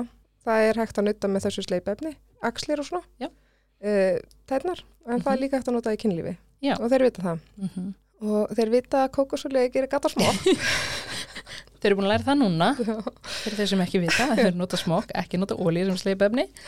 Þeir spurðu mér, já, voru þið að nota olíu þegar að þegar að við erum til? Kannski. Kannski. Oh, ólían Já. þannig að ef fólk er að hlusta ég ætla að segja ykkur það, ég var að segja sjöfnum daginn og ólíu að gera skata smokka, hún bara nei nei, nei, nei, ég eitthvað jú sjöfn mín. Það er svona fóruböndin að pæli því. Ég, eitt barnana minna var til út af það kom gata þannig að mögulega mögulega þetta gerist Já. uh, en þetta líka svo að þau viti betur mm -hmm. að því fólk, oft eru börn eitthvað svona, ok, þau eru ekkert endilega má ég nota sleipefni þitt Mm þau bara svona, annarkvært myndu taka sleipefni eða þau hérna vita að það hægt að nota olíu og þau fara Mhm. heim og taka kókosoljuna og eru svo frósusmokk og það kannski gemur ekki gatt þá Mhm. en svo halda þeir áfram að nota það og Mhm. ætla að stunda kynlíf með því Mm veist. því þetta er svona, þetta er alls ekki common knowledge ólega að gera gatt á smokka -hmm. um, en það er kannski svona að því við erum að tala um þetta og þau spurja þeirra öllu Mm -hmm. hvernig finnst þér að svara öllu sko þau spyrja öllu og mér finnst mér finnst erfitt eða svona, ég veit ekki alveg ég þarf svona aðeins að stoppa og bara herri, ég get ekki alveg svaraði strax ég veit ekki hvernig ég á að svara þessu þegar þeir eru að Mhm. spyrja mig svona út í mitt persónulega eins og, hérna, mamma, hvaða dildó finnst þér bestur? Býta aðeins og svo svaraði ég, þegar ég var búin að hugsa í nokkra mínútur bara, hérna, þú þarft ekki að vita það Já. um, þú bara þegar að hérna, þú eignast uh, Eða eða einhvern sem þú ætlar að, já, eða, eða einhvern sem þú ætlar að sofa hjá þá, já, ég byrjaði náttúrulega því en þú veist, bara þegar að hérna, þú, það kannski fílar þú bara eitthvað allt annað Mhm. þú veist, það er enginn sem fílar það sama og Já. bara þú þarf bara að finna út hvað þú þú þarf ekki að vita hvað mér finnst best Mhm. og hérna, það er til alls konar og ef þú vilt, þá getur við skoðað það saman Mhm. og hérna og svo þegar þú eignast maka, þá kannski vill makin eitthvað allt annað og Mhm. þá getur þið bara skoðað og makin getur sagt þér hvað, veist, hann eða hún vill Mhm. Hérna, já, mér finnst það svona, ég veit ekki alveg hvar maður, set, já, hvar maður setur mörkin þar Já, sko. og því þetta er líka það sem fólk er hrættast við það er hrættum að taka samtalið að því hvað ef þau spurja mig mm -hmm. ég get ekki talað um kynlistæki að því hvað ef þau spurja mig um hvað Mhm. kynlistæki mér finnst best og það er eiginlega svona gullna reglan við þurfum ekki að svara persónulegum spurningum það er ekkert fræðslugildi í því Nei. það er ekkert fræðslugildi í því að svona þinn viti að þú fílar þennan hérna, á ég sína þér hann, hann er svona og hann gerir þetta Mm -hmm. það skiptir ekki máli að því en svo svarar þessu bara eins og varst að lýsa bara almennt, bara skiptir ekki máli hvað mér finnst gott Mhm.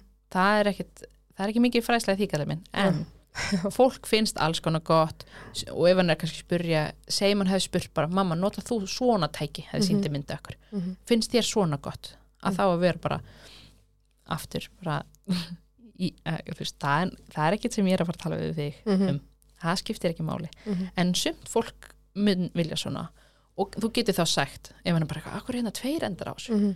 bara já, skoðum það saman. Séð það stendur hérna að þessi partur er kannski fyrir snípun og hittir inn í leikungin Mhm. þannig virkar þetta tæki, sumum finnst það gott en ekki öllum. Mhm.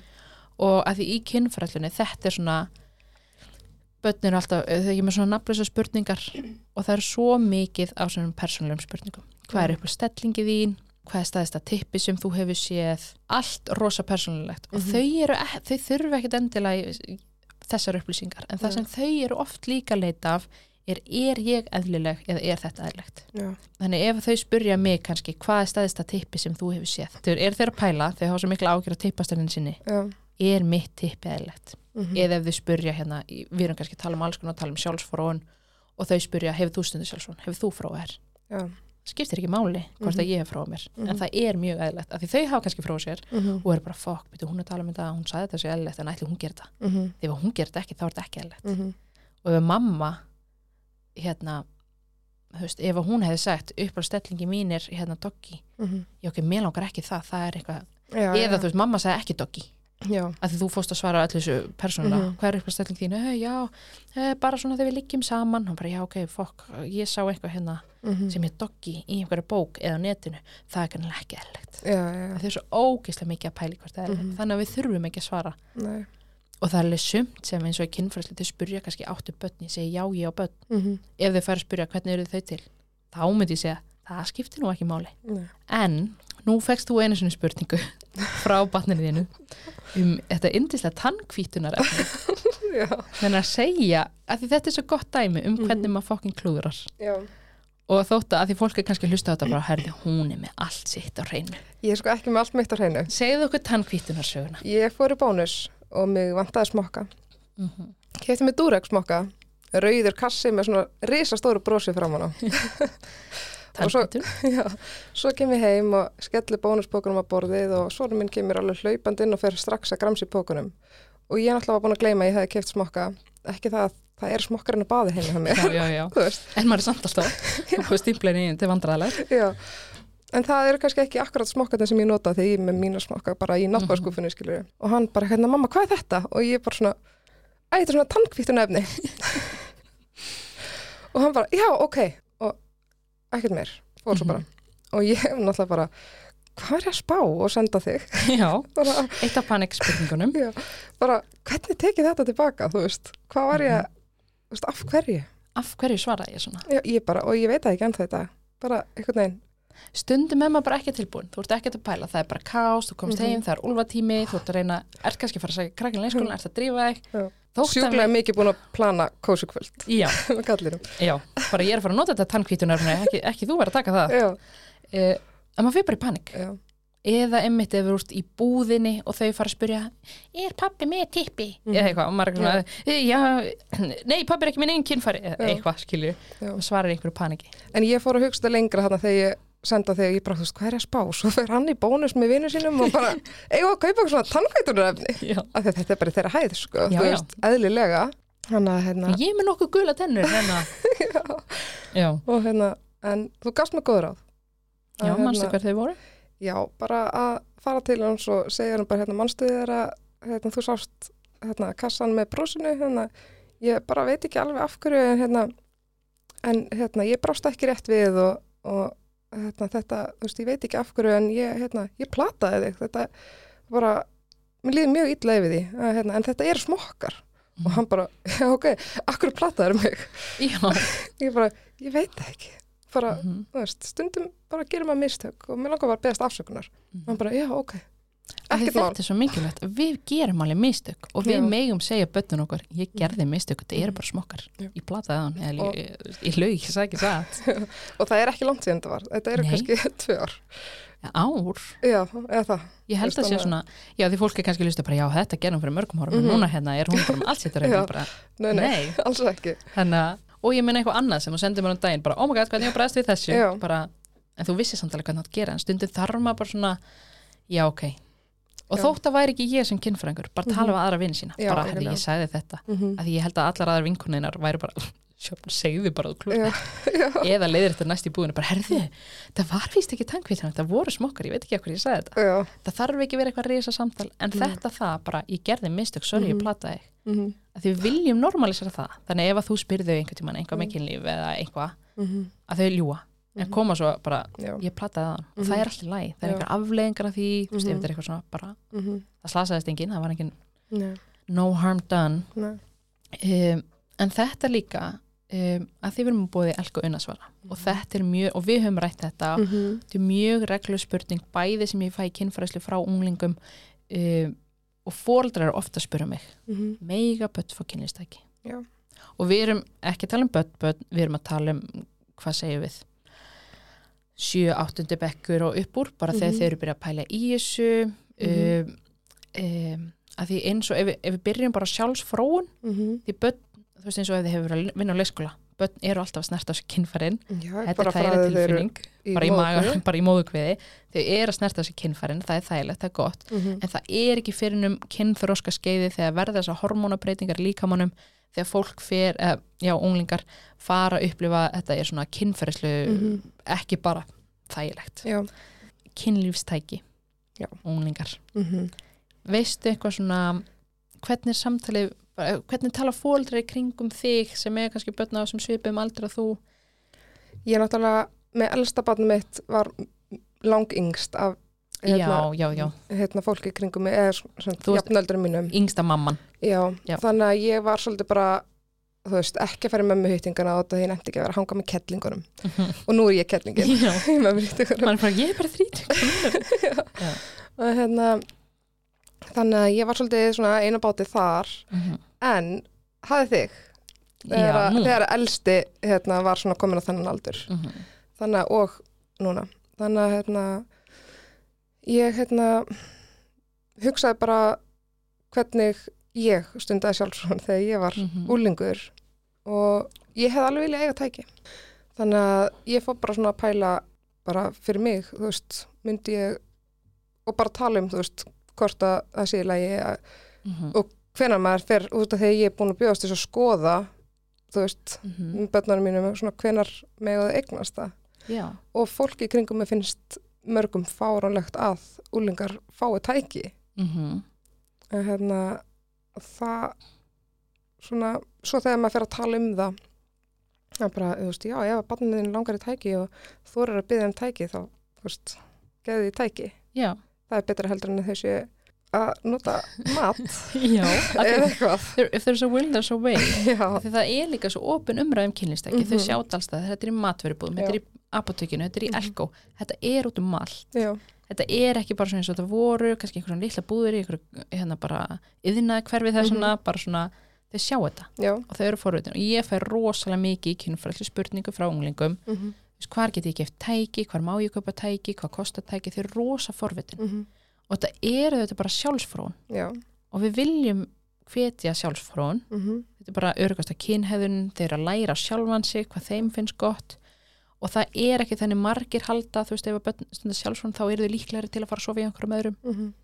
en þá kannski læra þau bara, hei, ég er sjálfur með nóg. Mm og þetta er mitt með tækina, þetta er svo vand með fara fólk eitthvað svona panikar yfir þessu. -hmm. en þá kannski svona, ok ég skil panikið, en skoða þess hver er þetta panik yfir, hvað heldur að gerist? Mm og tæki í dag eru líka bara ekkert eins og þetta var þú veist, nei, þú getur bara fengið múfu sem lítur bara út eins og veist, þetta er bara fallegt tæki já, og einmitt bara Og- svona egg og hérna, þetta er ekkert eitthvað svona æða þrútið og Nei. lítur út eins og risa tippi Nei. og kannski bara lítilsnýrtileg egg mm -hmm. því það er, þau eru svo fórðin um kynlistæki Mm -hmm. og vilja kannski spurja eða skoða þannig Mm. ef að þau eru að spurja að skoða ekki bara skella niður samtalinu eða þau eru bara eitthvað, "Hey, mamma hvað er dildó Mhm. eða þú veist, er að spurja um eitthvað tæki eða eitthvað svona fyrir rassinn eða eitthvað að bara svona já, bara farið inn á elka.is setjast niður með þeim og skoði bara, það þýðir ekki að þú þarft að fara að kaupa strax en bara svona að þau eru forvillin og þau vilja vita hvað eitthvað er og stundum veit maður ekki eins og sjálfur maður bara, en ég hef aldrei séð þetta tæki Já. en ef þú kaupir tæki fyrir úlingiðin, mm -hmm. þá þarf væntalega að fylgja einhver fræðisla með algjörlega og það er líka bara svona, ok, segjum að þú ert bara, ok að því börn, þau eru líka svo mismundi það er, ég myndi ekki segja að öll 14 ára börni að fá tæki, því Mhm. sum eru bara þau eru bara mismundi þroska -hmm. Um, en ef barn yfir höfuð byði þau um þetta Mm -hmm. þá kannski hægt bara svona, já, af hverju? Er eitthvað sérstætt um að spá? Og svo eins og bara fræðslega með já, bara já, þú verður hérna þú veist að hreinsa tækið, þetta er Mhm. auðvitað þú veist þetta er safna bakterjum, þannig fyrir og eftir nótkunni gott að þrýfa þetta, mm það má ekki deila tækjum á milli, þitt tæki fyrir þig, Mm ekki það svo þeir eru full, ef þau eru eldri þá myndum maður kannski útskýra, en se- Mhm. við erum að tala um hérna bara unglingastíð, þá er þetta bara þitt tæki fyrir þig, bara mynda þrýfa Mm þú, þú, þú veist, þetta er bara núna þitt, þú er kannski bara að geima þetta í skuffunniðinni eða geima Mhm. þetta örgum stað. Ég myndi ekkert endilega vera að sína öllum tæki þitt. -hmm. að því að unglingar geta verið svo algjörir apakettir. apakettir. Þannig bara, herri, geimt þetta bara um stað Mhm. bara hérna upp í ská og líka þetta með sjálfsvon bara svona, já, það er bara mjög gott að læra á sjálfan sig og þetta er bara mjög góð leið til þess og þetta getur verið mjög góð tilfinning en það vilja Mhm. samt ekki allir tæki veist, að tala um þetta -hmm. en ég held að fólk sé, ég held að þetta sé ekki orðið svona norm nei, fólk er örgulega það er einhver að hu- hugsa þetta mm -hmm. fær mjög slæma tilfinningum mann, bara Mhm. hvað eru þær að tala um já að láta barni mitt fá tæki mm en ég meina börnin, þú veist, ef að barni er yfir höfuð að byggja um tæki, þá er það Mhm. líklega að spyrja að stunda sjálfsvon Já. Og búin að gera það lengi -hmm. og er bara forvitið já. og þetta er mjög heilbrið leið til að uppgöta sig sjálfan sem Mhm. kynveru Já. að því þau eru forvitin og þá Mhm. kannski fara það að pæla í einhverjum öðru já hvernig allir ég uppgöta með annars konar því að langar að uppgöta sjálfan sig mm þá er það kannski með einhverjum öðrum sem þau eru kannski ekki alveg tilbúin í en þau eru svo forvitin og langa svo -hmm. þannig að þetta er kannski bara svona mjög heilbrið leið Mm Svo þetta er bara heilbriðasta kynhegðunin já þannig að ef þau eru að byggja þeim yfir höfuð en ég myndi líka alveg taka spjall um þetta ekki Mhm. bara byggja þannig að þau spyrja Nei. að taka bara og að því að Elko er með kynlistæki í skeifinni Mhm. þið getið farið bara, fyrir með krónuna tökum við ringi Elko, svo Já. bara herðu Mhm. þetta er alltaf flott að þau munum fríka út og bara, eru, eru krakkarnir bænum þínum ekki að tala um svona tæki? Hefur séð svona? Vá, hvað það, og við erum bara eitthvað að skoða bara vákað til forlulegt og þau Mhm. munum bara, oh my god, so embarrassing Já, sko, ég hef verið spurð að því bara, hérna, hvernig dagatal ætla þú að fá er svona kynlistæki Já, ég er bara svona, mm, ég veit ekki, ætlar að fá þér svona, svona tækidagatal. Ég bara, hvað, hérna, hvernig tækidagatal? Svona, svona kynlistæki. Ég bara, mm, nei, hugsi, fáum bara súkuladagatal. Mér langar bara svolítið í hérna kindirek, hérna, súkuladagatalið. mm. Og bara, já, ok, ok. Bönnin sjá þetta. Pötnin sjá þetta alls þar, þetta Mhm. er út um allt þetta var, en jafnvel samt sko þegar ég var unglingur, nýjindabæk og það var einmitt, það var ekki kynlistæki út um allt þetta, Mhm. maður vissi á þessum búðum, við fórum að löpum fram hjá fórum inn og líka. var bara svo forvitin og var að Mhm. skoða þau eru það líka, þau Mhm. hafa miklu auðveldar aðgengið að skoða Mhm. og þarna getur maður líka að tala um að því þú sér, þú veist, það er, auðvitað er svo síður bara eins og alkó, það er alls konar annað Mhm. sem kannski þú þarft ekki, það var ekkert endilega fyrsta dæki fyrir þig að prófa. Mhm. eitthvað strappón eða eitthvað. Uber 3000 múfa, þú veist, eitthvað lelo múfa á 30 skall, bara. Nei, það er kannski ekki alveg. Já, það sem maður myndi gefa batninu sinni bara fyrstu gjöf, það var kannski bara eitthvað annað eða eins og kynlífstæki þú veist, eins og fyrir fólk með píku, ég myndi ekkit endilega segja, þú veist, dildó eða eitthvað Mhm. sem er ætlað til fyrir að setja inn í leikungin ég myndi frekar mæla með bara eitthvað svo litli eggi eða Mhm. eitthvað eins og lelotækin, þú veist, það er bara svona lítil og nett egg, bara eitthvað svona nett úlingurinn þarf ekki að prófa þetta. Þú veist, kannski, kannski langar að, veist, er það svona áhuga samt og fær tækið og svo svona, og ég bara, ég er ekki tilbúin, ég ætla að býða eins. algjörlega Þú ert ekkert bara eitthvað hérna, ertu búin að prófa? Hún er prófa dæki, hvernig var það? Hvað, hvað stilling þetta sé best? Mér, fannst, mér finnst best þegar hann að dung, dung, dung einmitt þetta, þetta sé líka bara svona þetta er alltaf lægi að skoða þetta og vera Mhm. forutun um þetta og kannski prófa þetta einu sinni og þér finnst þetta ekki næs Já. það er ekkert eitthvað, já ef þú ferð á tækið þá er bara eins gott að þú fróðið daglega Mm Og svo bara líka, þú finnst mér alltaf lægi að fóreldrar hugsa eins bara hérna, mér finnst næst að eiga tæki. Ég nota Mhm. alltaf tæki í kynlífunum mínu. Mhm. Akkur get ég ekki hugsað mér að úlingurum minn sem er farin að stunda sjálfsfróðun noti tæki. já, og líka þótt að þér langa ekki tæki Mhm. þér finnst þetta hryggilegt, þér finnst þetta óþægilegt en það þýðir ekki að banninu þínu finnst þetta hryggilegt og ógislegt og þau eru kannski bara forvitin Já. já, þannig svona, ef maður pæli fyrstu tækjum fyrir hennar unglingsaldur Mhm. þá bara eitthvað svona, bara eitthvað lítið það er ekki að vera dýrasta tækið Eitthvað sem er auðvelt að þrýfa. auðvelt að þrýfa af því að þau eru oft líka bara svona vassheld það er bara, og gefa þeim leiðbynningar bara já, notaði bara hérna handsópun og það er mild sápa. Skólaðu, svo að þau getur svona verið örugari í því. Það sem er árækstur með fólkina, því Mhm. þetta til dæmis kynlist ekki, það getur mjög mikið árækstur, auðvitað það er bara fólk að gera sem það heldur að sé best fyrir batni sitt. Mhm. og hérna en hefur lendingur svona áræksturum varðandi eitthvað sem þú ert að tala við fólkinu bönnin þínum? Um, nei, ekki það sem ég er að tala um hérna, við bönnum mín. En fóreldrar vita samt líka alveg að ég er alveg opinn já, að hérna um, líka bara hver ekki er einn lítið samfélag og ég Mhm. er, þú veist Það virku vita allir- ég, já, og það vita bara svona fóreldrar vinna barna minna, bara Mhm. að ég tala opinskátt um allt Mhm. og, hérna, og bara segi ekki eitthvað sem að ég vil ekki að sé haft eftir mér og svo Mhm. og hérna um, en ég hef alveg, þú veist, fólk hefur verið ósámála mér aðalega hann í tækja umræðinu Mhm. sem ég skil það líka. Já. þetta er svona ný pæling og það bara en Mhm. akkur þau þurfa því þetta? Já, en ég veit ekki, kannski finnst einhverjum sko ekki lægi þegar að strákunni mínir tóku smokka var að fylla vatna og gera hérna condom challenge. Já, hérna, en það er ekkert endilega vesta challengeið það sem er á TikTok og öllu þessu. En hérna og, og þú veist, ég tek alveg eftir að það er ekki allir krakkar sem hafa aðgang að smokkum af því að Mhm. sumið vinunum fannst þetta alveg bara ha, ha, leiðun er að taka smokka Þú veist, já, þeir eru bara þarna, ég má taka þú veist. Mhm. þetta sé bara svona normal af því að þetta er líka svona þetta getur verið svo flókið af Mhm. því að ég hef líka bara heyrt um, með fóldra svona yngra barna, kannski leikskóla barna Mhm. uh, þau eru kannski bara svona, herrið, hvernig á ég segja þú veit bara, ég er ólétt, hvernig á ég segja við þryggja ára barni mitt bara, því hún var að spyrja ára barni, bara, hún var að spyrja hvernig barni komst í maðan Mhm. og ég er svona, þú veist, bara, já, þú getur bara sagt hérna, þú veist, að þetta var gagkinja par bara það kom fræ frá mömmu, kom fræ frá pappa Já. og það býr til barnið og þá stækkar það inn í mömmu börnin, að því við hugsum, ó nei, hann mun spyrja hvernig það komst í maðan, þau er ekkert að pæli því endur. Nei. eða þau spyrja það bara, já, við lærum það setna Mhm. ef þú ert ekki tilbúin að taka það samt Mhm. en að því fólk svo ótrúlega hrættur um en ef, barnið mitt fyrir á leikskólan og er að segja öllum hérna Mhm. að þú veist, það var frum á pappa sem fór í mömmu, Mhm. þau eru svo hrættum hvað hinir fóreldrinni segja Já, ég held að það sé kannski bara kostur hjá mér að ég er ekki trætt um hvað Já. fórhaldið að segja. og þetta er líka því að ég veit að ég er að gera rétt, eða sko, já, mitt besta. og ég held að líka eins og eins og þetta, þú veist, Mhm. að fara þá bara í leikskólan Mm segjum að þetta var dæmi þú myndir Mhm. þá bara fara í leikskólan, segja til þess að herri bara láta það vita uh, og hún var að spyrja hvernig börnin vera til ég Já. sagði þetta og þetta og þetta -hmm. þannig að þegar hini fólkdrarnir, þegar heyri eitthvað skrítið barnin að segja bara, herri, Mhm. hvaðan kom þetta þá Mhm. hafa þau samgangski við leikskólan þá getur þess að bara, já, æ, þú veist hérna sjöfn er ólétt, Mhm. sem þú ert ekki núna vonum ekki, segjum að sjöfn bara kassulegt, það vita Mhm. allir, bara ekki Mhm. já, eins og veist sjöfn er ólétt, hún sagði við hérna barnið sitt að börnin verða svona til notaði þetta, þetta þessi orð, sagði þetta Já.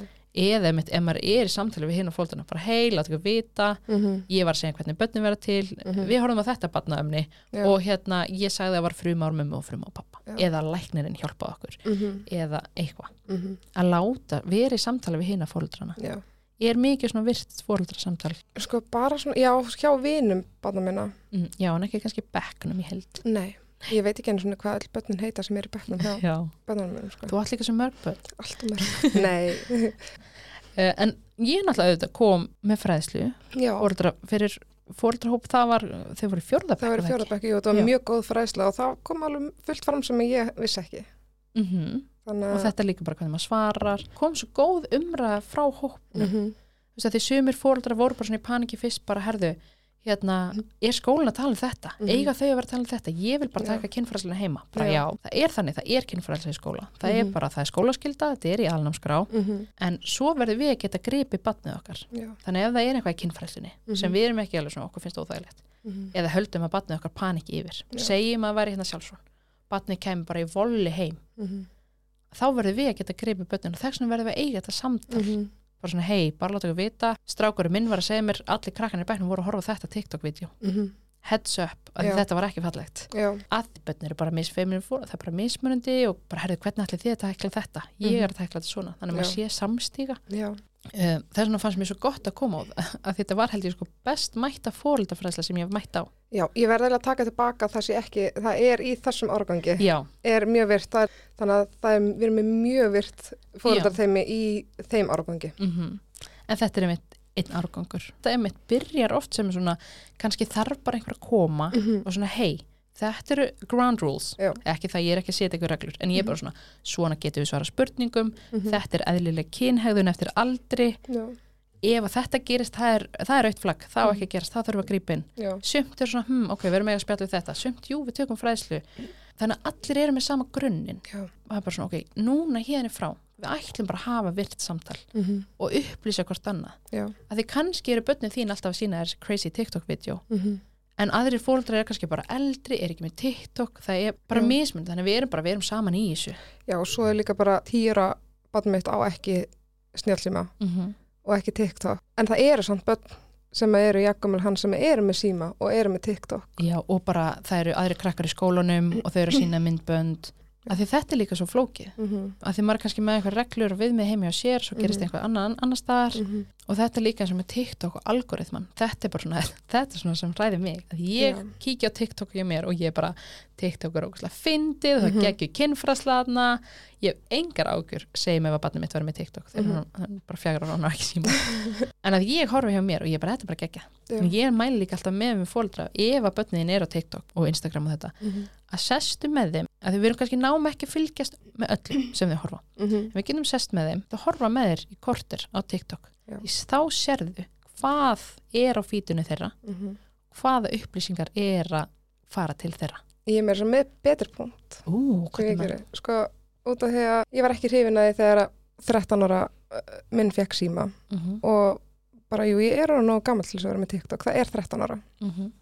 Þannig að ég er svona, ok, þú mátt hafa TikTok ef að þú ert líka lokaður inn í mínum síma. það er sniðt, af því Já. það er líka hægt að sjá hérna, ég man ekki hvernig það er, það er mjög öðvitað leiðbynningar á netinu, hvað þú ert svona previously watched, þannig vídjón sem þú ert búin að horfa, þannig þá getur Já. þú farið í séð og séð ekki endilega eitthvað, herri, þú áttu nú ekki að horfa þetta Mm -hmm. af því þau eru ekkert endilega, þetta er ekkert endilega það sem þau eru að leita þetta bara kemur upp Mm -hmm. og þetta er sjokkarandi myndband Já, segjum bara að þetta er hérna eitthvað svona klám vibes mhm, kannski ekki alveg klám klám en svona eitthvað gróft eða eitthvað Mhm. ofbeldi og þau stoppa þetta sjokkarandi, þau horfa Mhm. lengi mhm, hvað gerir algoritminn? Hann segir, herrið, hann fýlaði þetta ekki meira svona vídeo það poppar upp meira og Mhm. meira og þú, það kemur grófara og þú verður sjokkarari og það kemur grófara og grófara mhm, og þið finnst þetta svo sjokkarandi og gróft og þú sendir þetta allir vina þína mhm, og þannig að algoritminn bara kaching, fýla þetta meira svona mhm, en fólk Já. fattar ekki að þess vegna svo skeri með algoritmann já. En þú getur, ef þú ert með uh, út af því að barnið er 13 ára og þú Mhm. hefur fullan rétt á að sjá hvað barnið eitt er á algjörlega hann tekur ákvörðun hvort hann vilji vera Mhm. með TikTok og vera með þessa reglu eða sleppa því. Já. Hann veit að ég er fylgjast með algoritmanum mm af því ég get líka uh, farið og bara hérna, football skills, basketball skills og bara skoða geðið mikið á solusvídeum og stýrt svona- algoritmannum og bara fylgst með. Þannig að Mhm. það er líka, sumum finnst það kannski of mikið hérna, svona, Nei, að því það, við gerum þetta samt við, ef að, það var ekki TikTok mm -hmm. við sitjum sniður, hei, við ætlum að horfa mynd þú myndir mögulega velja myndina eða Já. segja, já, eins og þetta var þegar maður fór að leiða DFD, Mm -hmm. maður fór með maður sem pappa þau eitthvað, nei, ekki þessa mynd, Mm -hmm. horfum á þessa kaupum hérna, ég veit ekki, ef maður ymmit, um maður Já. fótbolt áhuga, þá er bara tökum Beckham, Já. horfum á hana Mhm. þannig að þarna er, þú ert basically bara ég ætla að velja bíómynd fyrir fjölskylduna en þetta er TikToki ég ætla að feed ég ætla að setja feedið þitt hérna Mhm. basketball skills, good friends Já. eða einhvað svona það sem þú vilt að komi á Mm eins og þetta með íþróttinar bara. Já. þannig vonandi kemur meira upp á því -hmm. og einmitt þetta að vera vakandi fyrir sem fylgjast með einmitt eins og þetta er mjög góði punktur svona að stýra að þú takir og ert að horfa það sem þú Ég held að vilt sé ekkert margir sem fatta þetta, þetta sé Nei. hægt, af því að ég get líka verið með minn account og ég bara svissa yfir. Já, ég fatt þetta ekki einu sinni að ég hef ekki verið með mismundi account á Mhm. TikTok, ég er með á Mhm. Instagram en einmitt þetta, að við, svona, við verðum að stýra Mm -hmm. og fylgjast með hvað þau eru að horfa. Já. en hvernig, hvað finnst þér svona er einhvað sem þú svona forðast að ræða? mm, ég veit það ekki. Nei, ég held ekki. Hvað svona sem þið finnst erfitt og svona Já. hvernig tekið þetta? Já, eins og með kynfyrirslegt ábældi. Ég, ég veit ekki alveg, þú veist, ég vil að börnum mín séu upplýst og ég vil að þau, þú veist, viti að kynfyrirslegt er til en ég veit ekki alveg hvernig ég að fara að því að, hérna, að bara, já, segja um frá þessu út af því þetta er eitthvað sem maður vill ekkert endalega börnun viti en þetta samt getur og gerst. maður veit þetta ekki að þetta sé til. Já, og aðal ekki fyrir, fyrir börn. Þetta er, þetta er oft ótrúlega flóki Mm því fólk álíka kannski slæma reynslu sjálft -hmm. og verður bara mjög tryggarað og mjög erfitt að ræða þetta. Já. og líka bara hvernig segi ég fjárur á banninu minn en eins og hvernig við erum að ræða við börn ef við tökum bara hérna fjár ára Mm og yngri, kannski tveggjára og upp úr svona þegar þið eru, til dæmis bara þau eru alltaf fritt í tippinu sinni og píkunu Mhm. sinni alltaf að snerta, að þetta bara svona já, þú átt þetta tippi, ef þau eru eitthvað svona má ég snerta píkunu þína, því þau bara fatt ekki. -hmm. bara eitthvað svona, nei, þetta er píka mínu, já hann, þú mátt ekki snerta hana. Já. ég á bara snerta hana. Mm og með tippið einmitt, eru með þessum börn á þessum leikskóla þau eru alltaf að fyrst í tippinu sinni og píkunu sinni -hmm. að því við viljum ekki seima þau, við viljum ekki að þau fá skömm að því þá Mhm. tengja bara, betur þetta var gott en okkur á ég skammast mér fyrir það og, og það getur fyllt þeim í bara sjálfsfrónu skömm og fullt Mhm. unað skömm setna mér. Þannig eins og, ok, við erum með krakka á leikskóla, leikskólaaldri og þá er þetta bara þau eru snerta sig -hmm. bara svona, herri, ég veit þetta gott en þetta ætlum við að gera bara inn í herbyggi Já. eða ekki það að maður veri heimsókn Mm að við verðum að segja, ég veit þetta gott og þá fríkar fólk út eitthvað svona, ó, ég ætla ekki að fara að segja barninu þessi gott að snerta tippið, en það er gott það er Já. gott að snerta kynfærin -hmm. þó þetta sé ekki kynfærislegt, þetta er bara alveg svo þú veist, sjúa sér puttan börn Mhm. gera það þegar það er lett og gott þeim finnst gott að láta klóra bakið og kannski Mhm. busta hárið, þetta er gott en við segjum ég veit þetta er gott, ok, þetta gerur henni herbyggi en segjum að þau séu bara í styrtunni eða eitthvað þau eru bara Mhm. einu og snerta tippið eða þau spyrja, eitthvað, -hmm. þú veist, en það Mhm. má samt engin annar gera þetta -hmm. þú mátt bara snerta þitt tippið þitt eða píkuna þína -hmm. að því ég veit að fólk vill heldur ekki að heyra þetta Nei. en það er kynferðislega brotið á börnum Mm og þetta getur rugglað þau mjög mikið að því það sem við kennum börnum almennt er svona það má ekki meiða þig -hmm. og kannski ef þau verða fyrir kynferðisofbildi þau hugsa, en það var ekki vond -hmm. þau vita kannski að þetta var óþægilegt að þetta var veist, þessi manneskja átti ekki að gera þetta eða mér vil ég skrýti með það Þú Eða ég vildi þetta ekki. ég vildi þetta ekki, þau bara svona þau skilja ekki þessa tilfinningu -hmm. að þetta var líkamlega gott -hmm. en þetta getur rugglað, þannig að þa- þarna byrju við -hmm. og þetta er ekkit endilega ég með fyrirlistur um kynferðislegt ofbildi eða ég er að segja um frá MeToo herfyrðinni þetta er bara, þetta er gott en þá má engin annar gera þetta Já.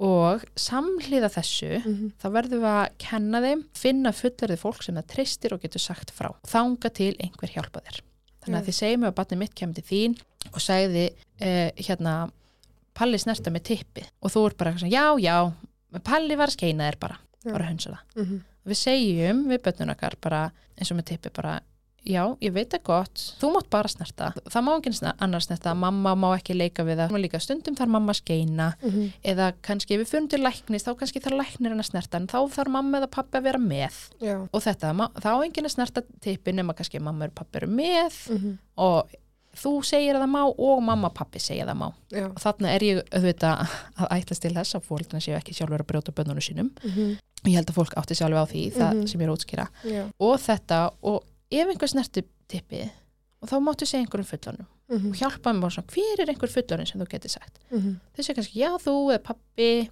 eða amma og afi, þú veist hvaða fullar af fólk þekkið þú Mhm. eða hérna nágrannir, þau kannski nefna eitthvað svona vinafólk og þetta er svona, já og stundum þurfa að segja mörgum Já. stundum þurfa kannski að segja leikskólakennarnum stundum þurfa að segja mömmu uh, þangað til einhver hjálpar þér Mhm. að, svo þetta hætti að, aðalega ef þetta er eitthvað sem er reglulega Ég fæla bara svona, uh, svona hroll yfir því að það sé í alvöru ekki hjálpa þeim. mm þið börn segja alls konar dót Já. og maður er svona, já, já, Palli hann var bara að skeina þér Mhm. eitthvað, og svo ef að badd kemur til mín og segir, herðu, hérna Palli var að snerta með tippi, Mhm. eða gera eitthvað og þá verð ég að segja ok, þú veist, kannski og sp- spyrja frá þú fyrir eitthvað svona opna spurningar. Af hverju var hann að snerta tippi kannski var það, hann var að skeina mér. Að svona, nú, ok, ekki, ekki í panik og reyði og hann á nú ekki að gera það, að vera svona, ok eða það nú, hvað hérna mátt þú ekki bara að snerta þitt tippi já, ok, herðu ég skal hjálpa þér að finna út af þessu Mhm. eigum að koma að tala við segjum að veri mamma og hérna, pappi snerti tippið, eða mamma snerti tippið um, eða eitthvað svona, Mhm. þá svona eigum við kannski saman að tala við sjöfn leikskólakennara Mhm. ef að þú væri leikskólakennari og ef ég bara væri, segjum að ég væri mamma vinar eða eitthvað, Mhm. að svona, herri, ég skal nú hjálpa þér ef að tala við hérna þennan um þetta ef að, ef að fá, Mhm. barnið, þú ert með því eigum Mhm. við að fara saman og fá okkur hjálp með þetta Já. Mhm. ekkert svona, ekki, veist, og þótt að viðbröðum mann kannski er, er bara, herri, ég fer og drep palla Mhm.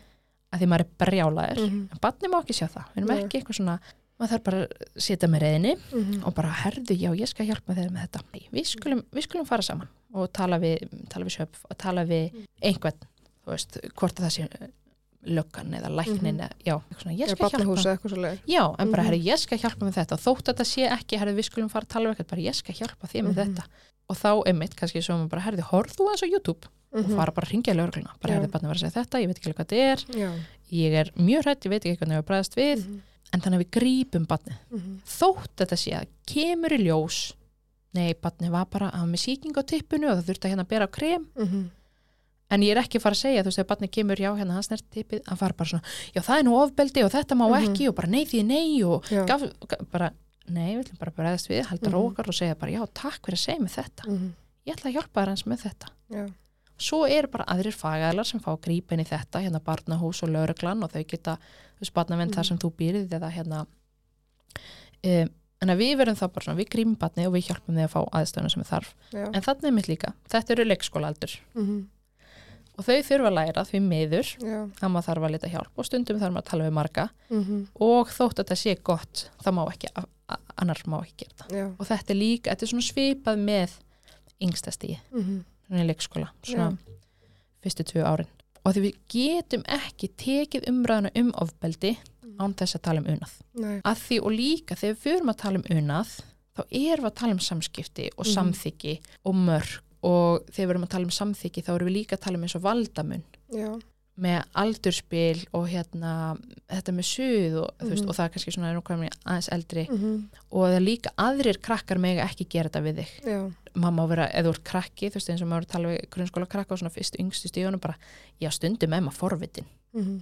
það er stundum með maður forvitin að sjá kannski líka maður annara og tippin öðrum Af því þau eru ofta í svona læknisleik Mhm. svona, sjáðu mitt ég sé þetta, það er alltaf Mhm. en, en við meðum samt ekki snerta Já, já. að þau eru mjög forvitin og þau fá ekki þetta, það má ekki snert þetta þú veist Mhm. þau eru bara svona, já en ég má alveg vera skoða, ég má vera forvitin og ég hérna, Mhm. hvernig er, ef ég er kannski með tippi þá er mjög forvitilegt að skoða, poti í einhverja píku já, já. en að þetta bara, já við megum ekki snerta Mhm. og enn og aftur þetta já stundum er þetta gott og þá einmitt eins og unglingana veist, við stundum kynlíf að því það er gott og þá Mhm. viljum við passa að manneskjan sem við erum með líði vel Mhm.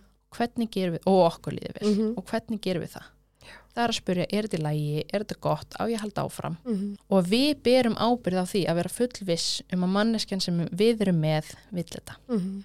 og, og við þurfum líka bara við þurfum að ala börnin okkar líka upp sko að þau verða ekki fórnálum en líka þau verða ekki gerendur já þú veist að að ef þau veit ekki betur mm þess vegna þetta bara við ber, ef ég og þú verum að svo saman mm -hmm. Það er 100% ábyrðan mína að Mhm. passa að þú sér til í þetta. Já, og ég spyr, ég er hérna, við kissumst ég snerta á rassinu, ég er eitthvað, er þetta í lagi, er þetta Mhm. gott? Að ég halda áfram, já, aðalega þegar við erum fyrst að kynnast svo Mhm. kannski við erum búin að vera gift í 18 ári ég er ekkert alltaf eitthvað, má ég snerta á rassin Mhm. ok, er þetta gott? Að ég halda áfram, við erum svona að læra bara og þetta líka með að við getum gett alveg plan. Þú mátt alveg vera, indina, alltaf þegar við erum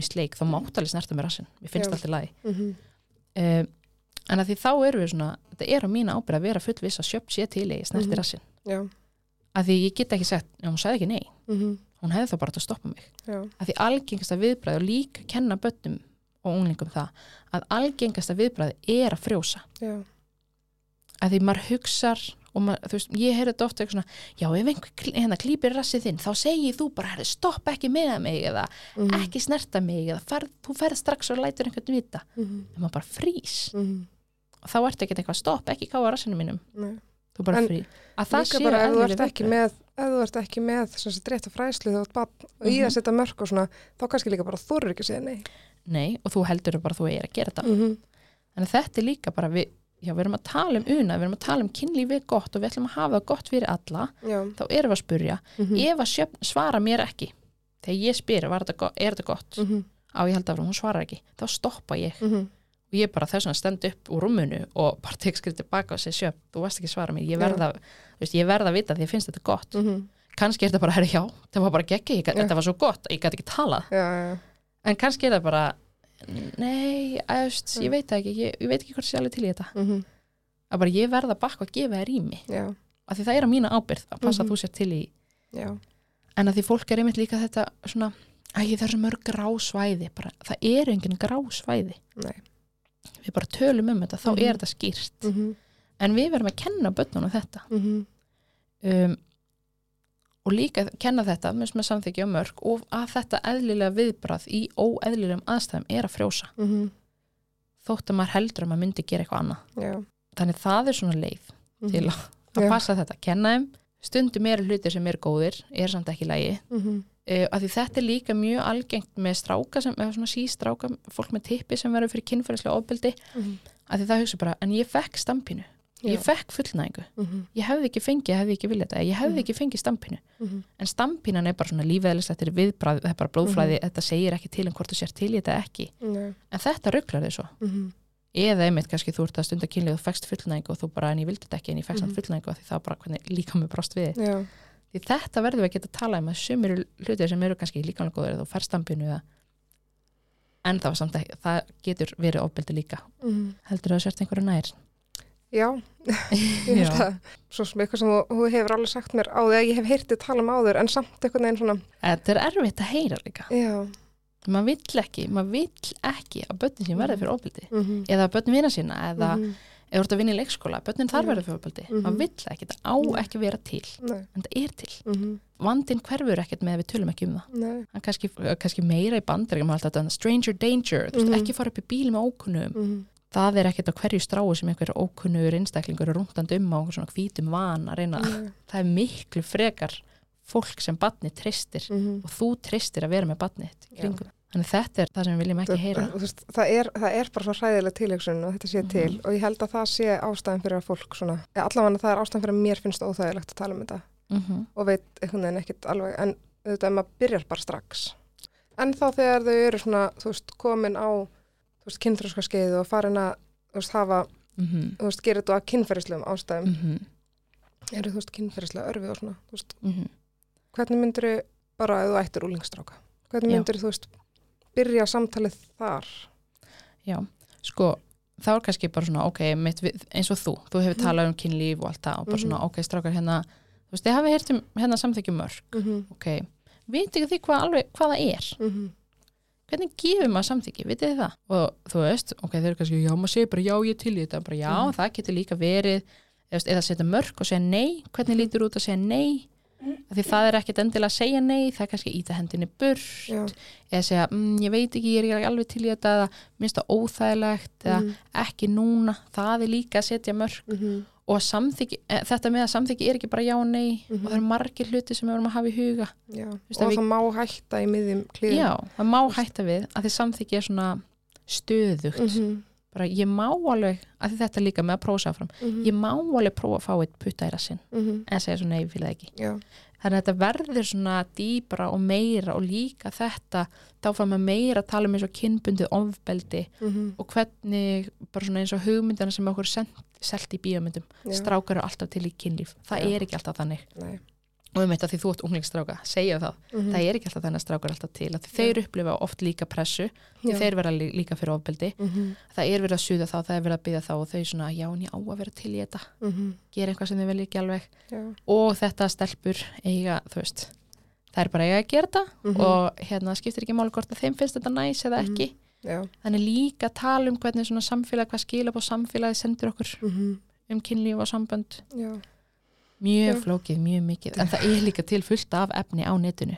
Já, en Hvernig svo maður bara ef maður byrjar einmitt þarna mm -hmm. á leikskólaaldrinum, já, þá er þetta- já, þá náttúrulega líka bara kemur þetta, já, og það er líka samt ekki ofsinn þannig ef þið eru að hlusta á þau bara krakki minna átjónar, ég sagði þetta ekki. Mhm, að það er bara hægt að byrja. Já, bara herði, sko ég, ég var að hlusta podcast og hún var að segja mér þetta og þetta og Mhm. þetta. Já, hefur heyrst þetta, mhm, vissið þú þetta, vá, ég hef aldrei talað við þetta um þig, bara fyrir geður við þetta aldrei. Já, en það var einhvað svona ráð, hvað ráð myndið þú gefa öðrum fóldrum eða forröðamönnum sem er eitthvað svona pæla bara, er ekki með að standa mig eða með langar að bæta mig eða svona? Ég held að sé bara ótrúlega gott skref að byrja sko, ef að fólki finnst óþægilegt að tala um kynlíf mm að byrja að tala aðeins meir um það þá bara við makaðin, uh, við vini, vinkunur svona, og það tekur ekkert langa tíma að komast út í skilni og bara að þetta er ekki vandræðilegt þetta er bara eitthvað sem að flest gera.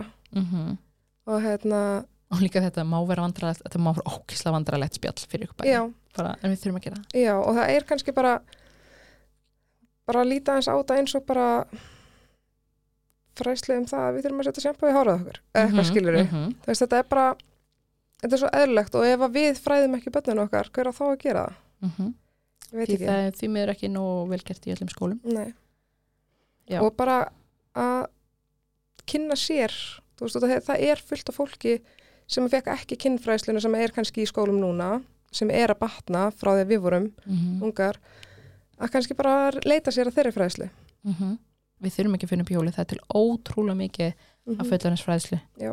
bara eins og betra kynlíf sem Sigga dökkur með Mhm. og hún er með hann að kæfta um kynlíf svona námskeið á netinu Ég er að fara að kaupa með bóka eftir sem að Já. ég heyrði mig síðasta, þar síðasta þætti, þætti tvö hjá þér. lífið er kynlíf, Já, já, til dæmis súbók sjúklega spennt að lesa hana. að það er líka margt í henni sem sagt í þættinu með Áslögu Kristjáns þá voru að tala um lífið er kynlíf og það er svona handbók kynfræðings fyrir já, fólki svona langtíma samböndum Mm en margt þar sem er bara kynfræðsla sem þú getur þá tekið með þér í hérna, þetta samtal við Mhm. bönnuðin en takk aðeinslega fyrir að koma Takk fyrir að bjóða mig.